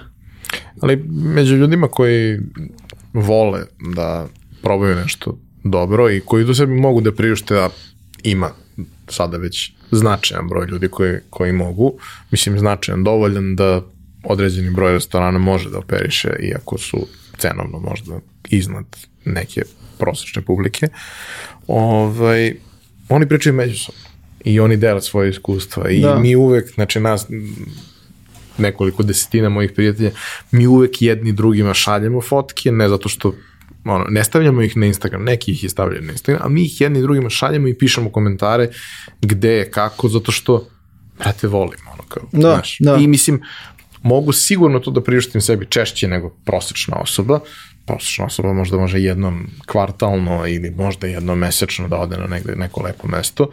Ja to radim jednom u 10 dana ili jednom u 15 dana ili jednom u 7 dana i nekad mogu i da zaređam, nekad mogu i da napravim. I prosto volim da probam sve te stvari. Ima mesta koje ja doživljavam kao moje sigurne kuće. Kuću da. idem svaki dan. Ali ima i situacije u kojima prosto želim nešto više i onda biram da odem negde gde ću dobiti to nešto više. Naravno, to je kao moment što bi, da se vratim na Dansku, na Kopenhagen, na Geranium. Uh, ti ne ideš tamo na večer da bi se ti najao, nego to je jedno životno iskustvo spakovano u tih 6-7 sati uh, tog servisa, večera i svega. Velika je šansa da ćeš ti ostati gladan. Moguće na kraju. A, ali osjećaš gladan, mislim, nećeš ti ostati gladan, ti ćeš imati taman hrane. Jer moto uh, i ideja mog šefa je bila uh, dođite ovdje da uživate u hrani, da jedete i da posle budete energični i spremni da igrate i da pevate koliko god želite. Da ne budete ono u down. Kanal. Kanal, da.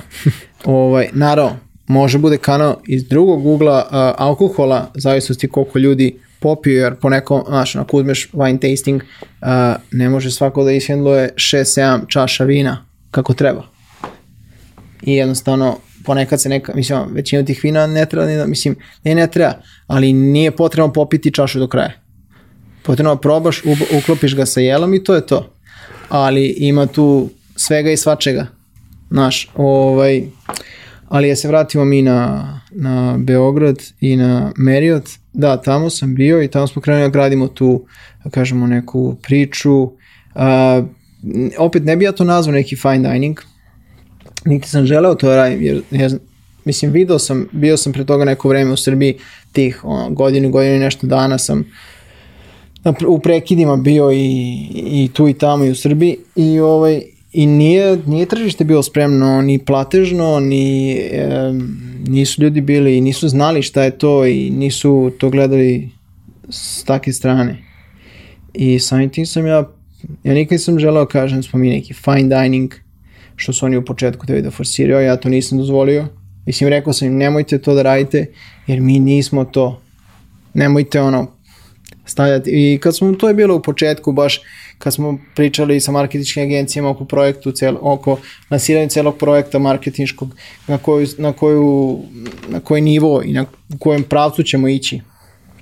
I tu je bilo neki pogrešnih shvatanja, jer ljudi dosta toga ne znaju da idu, samo pišu i pričaju i tako dalje i tako bliže.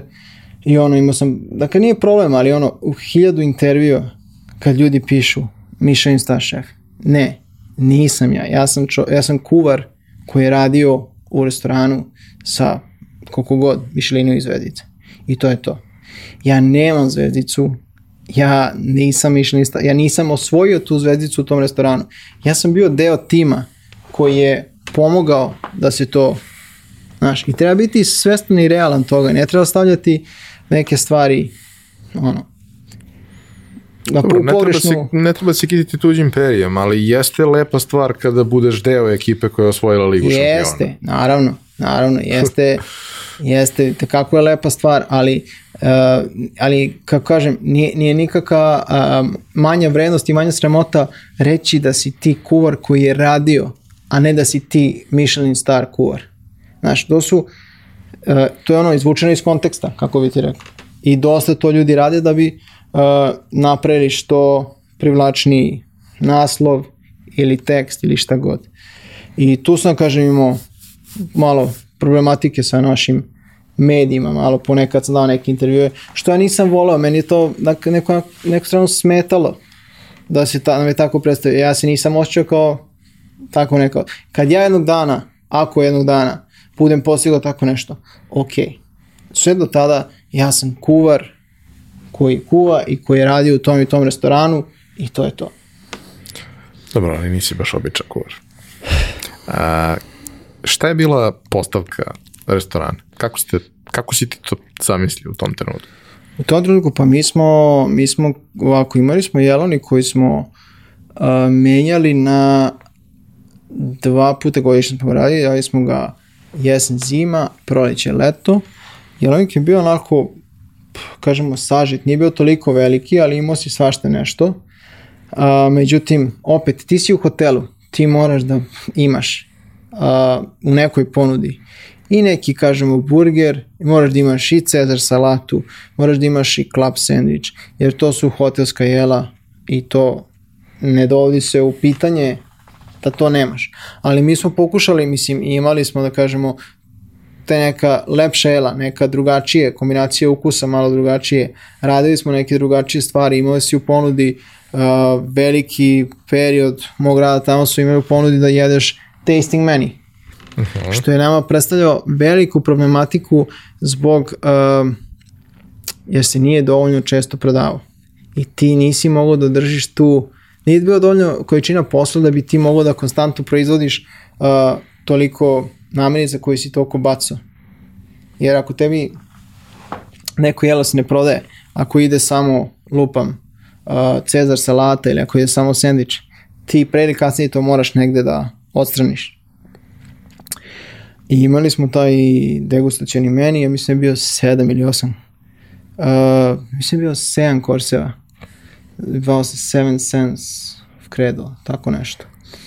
I tu je bilo fino prihvaćanje, imali smo i wine pairing s tim, imali smo čak, ja mislim, i juice pairing neko vreme. I bilo je to popričano lepo prihvaćeno od ljudi, čak smo radili neke tematske večeri, uh, radili smo na moju onu neku inicijativu sam ovaj, pitao da kažem, prišao, ono, upoznao se s nekim ovaj, kuvarima iz drugih lokala u Beogradu i pitao ih hoćemo da kuvamo, imam ideju da napravimo tako i takav event, tri kuvara, tri lokacije, tri totalno drugačije menija. I on je kao može, super.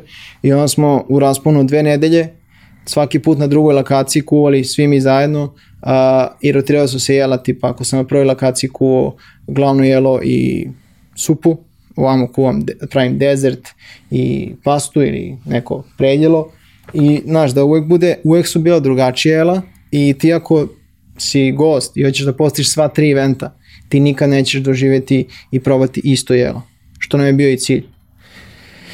I uradili smo ceo ono momena taj i menija i potpisivanje menija koje su gosti dobijali na kraju i sve ostalo.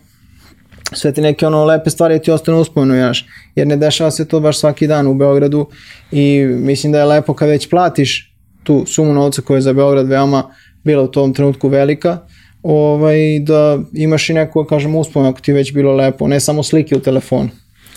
A, zašto nisi ostao u Beogradu? Uh, nisam ostao u Beogradu mi nije jednostavno, kako bih rekao, nije mi lego ritam i način života. Ni, teško mi je bilo da se vratim i uklopim u neki uh, beogradski lifestyle.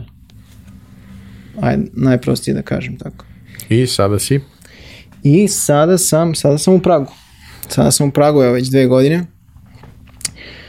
Tamo sam otišao da vodim jedan restoran koji se zove Food Lab. Uh, zove se Food Lab iz razloga što se neposredno preko puta restorana, tu ima mali trgić, nalazi se uh, zgrada u kojoj je bila prva laboratorija u Pragu. Ne znam koje, koje godine. To i dalje ima, postoji muzej laboratorijski koji može se obiđe i zbog toga je to Food Lab. On je onako u centru Praga, blizu glavnog trga, ali opet skriven uh, i daleko od tek ta, turističkih restorana.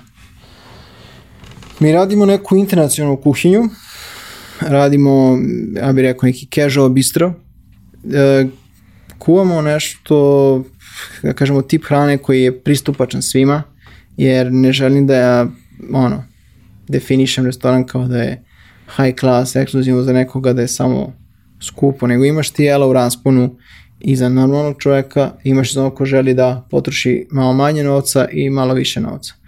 I, i takav sam ono, takav mi je ideja i cilj bio, a, pre svega da što je restoran dosta veliki, ima oko 140 sedećih mesta, tako da nemaš ti tu nekog prostora da, da, da ti sad nešto izmišljaš, da tu nešto ima mnogo detalja, da ima mnogo pipkanja i potrudili smo se da nam jela budu da suština svega bude ukus i, i pravilna a, priprema tih namirnica koje koristimo, da izvučemo iz njih maksimum i da nam se na tome bazira.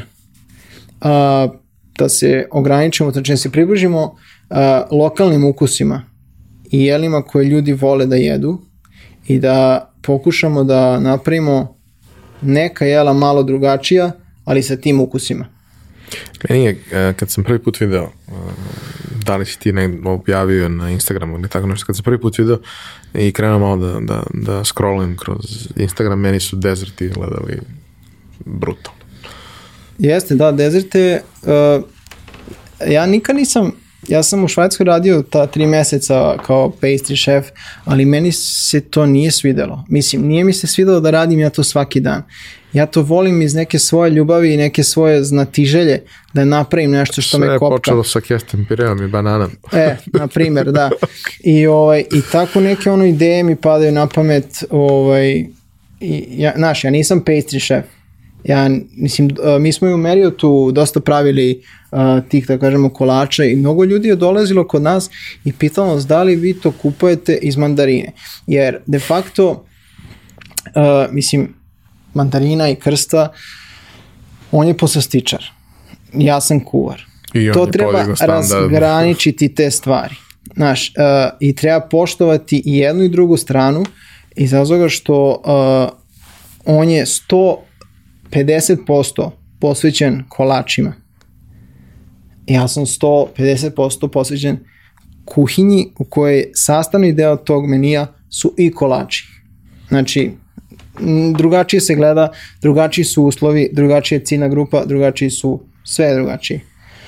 A, da, i onda smo krenuli te dezerte da pravimo iz razloga što te sve kalupe i sve te stvari, uglavnom, a, to imaš dve firme koje proizvode u svetu i uglavnom čim se nešto novo pro, ono, pojavi neki kalup, ti odmah uzmeš pa se to, znaš, neko pravi na ovaj način, neko na onaj, ti vidiš da to je sličan kalup, sličan oblik i ti, on, ljudi, pošto ne znaju kako to funkcioniše, ne znaju kako se to pravi, oni misle da to postoji samo neko, jedna jedna što je, što je, što je super, što je naš mandarina neki uh, znak prepoznavanja nekog nečega kvalitetnog i da te oni porede sa njima, naš, mislim, laskati, kako god. Znaš kako, e, ja, ja volim da kažem, uh, uh, super je da postoji i jedna, jer nije postojala ni jedna. Baš to. I sada imaš, naravno, mm, u Beogradu nije samo mandarina fantastična, ona je jedan od objekata sa tim jednim stilom. Imaš i druge poslastičarnice koje imaju svoje vrlo specifične Da. setove kolače, više francuske, više američke, koje svaka od njih je fantastična. I Ali- ti ljudi su jako posvećeni. Najbolji moment je što je mandarina povukla, kažemo, nogu i ona je prva krenula, on, on je, Krsta je prvi krenuo i e, da radi to i predstavio ljudima i uveo ljudi u tu tematiku dezerata i naučio ih malo o tome, edukovao ih. I onda je mnogo lakše bilo svim ostalima da se prilagode su videli da nije ništa strašno bilo taj njegov moment i iskustvo otvaranja mandarine i edukacije uh, ljudi. Znači, ako je on edukovao ljude da tako i tako, to su ti dezerti, tako se prave, oni su zbog toga, to je bitno, ta čokolada, znaš, sve ostalo, znači možeš i ti, tipa, kao što si rekao, neke američke kolače ili šta god, da praviš i da objasniš ljudima, da ih naučiš šta je to, kako se to pravi i zašto je to takvog ukusa. E, za kraj bih volao da te pitam, pošto smo prošli tvoj karijerni put i e, on je vrlo šarenolik i radio si sa različitim kulturama, radio si različite kuhinje, živeo si na različitim mestima, proputovao si. E, mi često volimo da kažemo da je naša kuhinja fantastična i raznovrsna i neverovatna i mislim ja prvi je jako volim. Uh, iako sam postao svestan da je ona fusion različitih kuhinja koje su se preklapale na ovim prostorima, ali ja zaista volim taj, taj miks svega. Vremenom sam naučio da volim i druge stvari, jer sam bio izložen njima na jedan način koji je bio dobar.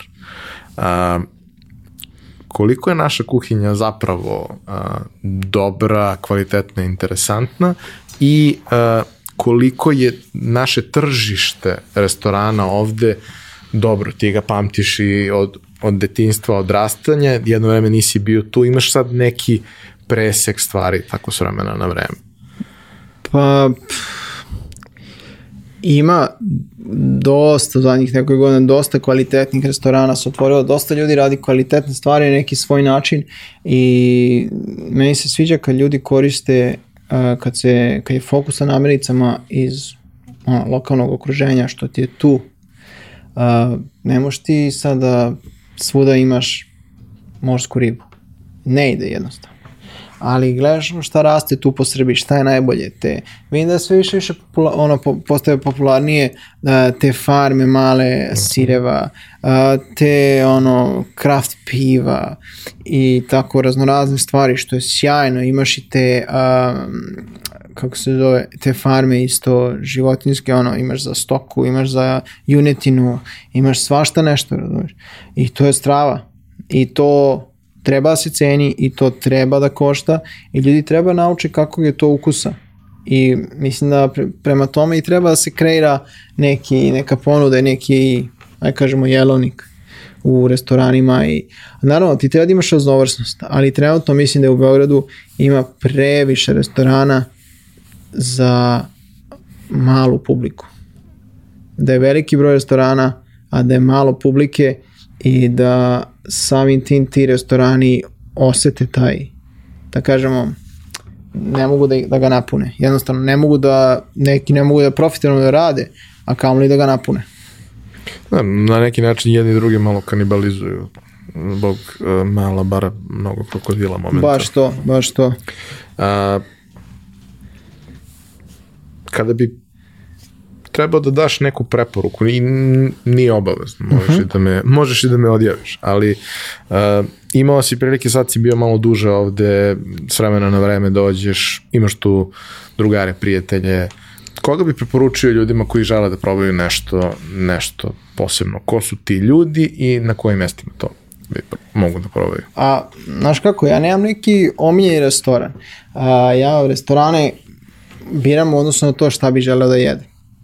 Uh, ja ne mogu da imam ista očekivanja kad odem u staru Hercegovinu i kad odem u Square Nine, jer je totalno banalno.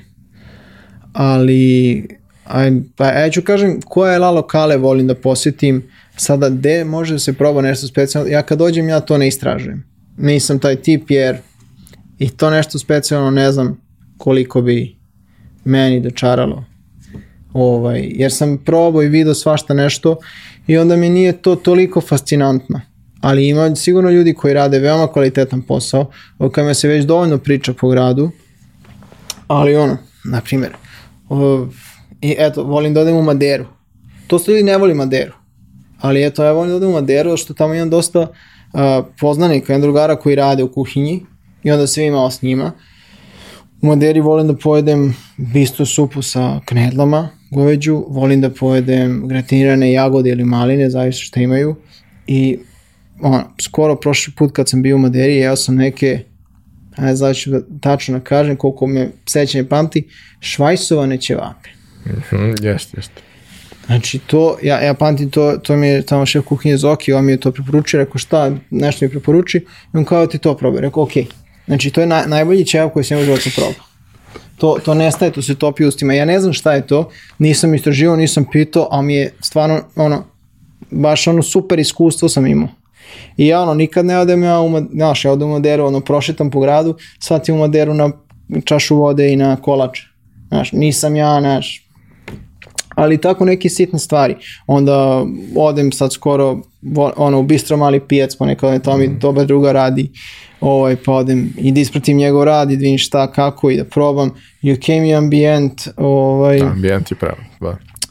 Te ono još, volim da odem u restoran Rubin, volim da odem u restoran Rubin, to mi isto dobar drugar drži i oni stvarno rade taj neki, tu neku srpsku kuhinju, domaću na veoma dobar način i rade je konstantno zato što mnogo uh, je dugo ta ekipa na okupu i svi znaju to u srži i dugi niz godina oni postoje i posluju i stvarno, stvarno su kvalitetni. Ne možeš kažeš, mislim, imaju kontinuitet, znaš da ćeš dobiti to i to. I nekoliko puta sam bio u poslednjih par meseci čak mi pričali pre neki dan o tome i stvarno sam se oduševio upravo tim nekim momentima koje, znaš kao, ono što mene najviše smara kada odem negde sa ciljem da jedem nešto stvarno lepo, kad jedem to svaki dan nije bitno, ali kao, šta me najviše smara, kada ono, na, mislim, mi naručujemo 16 predjela, jer kao volimo, i kao dobiješ najdefault sir na svetu. Da. A, tamo ima uh, ono, grilovani kamember koji je ludilo ukusan sa nekim prilozima koji su isto super. Ima zlatarski sir da. koji, da. ja ga nigde drugo u Beogradu nisam vidio, ne znam, možda ga ima, ja ga znam sa zlatara i to je taj sir. Nije neko uzeo pa kao, nema veze, kao ne znaju ljudi. Ne, ne, ima ljudi koji znaju i koji se oduševe kad to vidi. Ja kapiram da to nije najprodavaniji artikl. Da. Ali meni znači, ja se oduševim. I razne neke druge stvari, ajde da, da, da ne licitiram sad sa menija, ali ima mnogo lepih, i u tom delu kao glavnih jela, ima mnogo lepih jela koje su izvorno tradicionalna sa nekim twistom koji ih čini posebnim.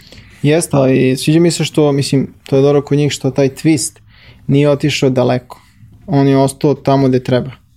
Uh, taj ukus je i dalje taj, malo je to jeo drugačije, ali to je to. Suština tog jela i ukusa je ono što ti želiš da dobiješ. I što očekuješ. Nenade, hvala ti što si podelio tvoju priču. Veliko mi je bilo zadovoljstvo da je, dobijem priliku da je ja prenesem ovaj, moje publici i nadam se da, da će im tvoje iskustvo biti korisno i interesantno. A, hvala vama što ste nas slušali i gledali. Hvala našim prijateljima i sponsorima koji podržavaju realizaciju. Um, kao i da sada sve predloge, sugestije, pitanja, a verujem da će pitanja pre svega biti ovaj, napišite na za to predviđenim mestima ili na društvenim mrežama ili idealno u komentarima na, na YouTube-u. To bi bilo to. Uh, ispričali smo jednu lepu gastronomsku priču ovaj, i pokazali da uh, mlađi brat moje školske drugarice za koga nisam znao šta će biti u životu može da postane jako, jako cool i da me redovno nervira na Instagramu slikama stvari koje sprema, posebno dok sam na dijeti. To bi bilo to. Vidimo se sledeće nedelje.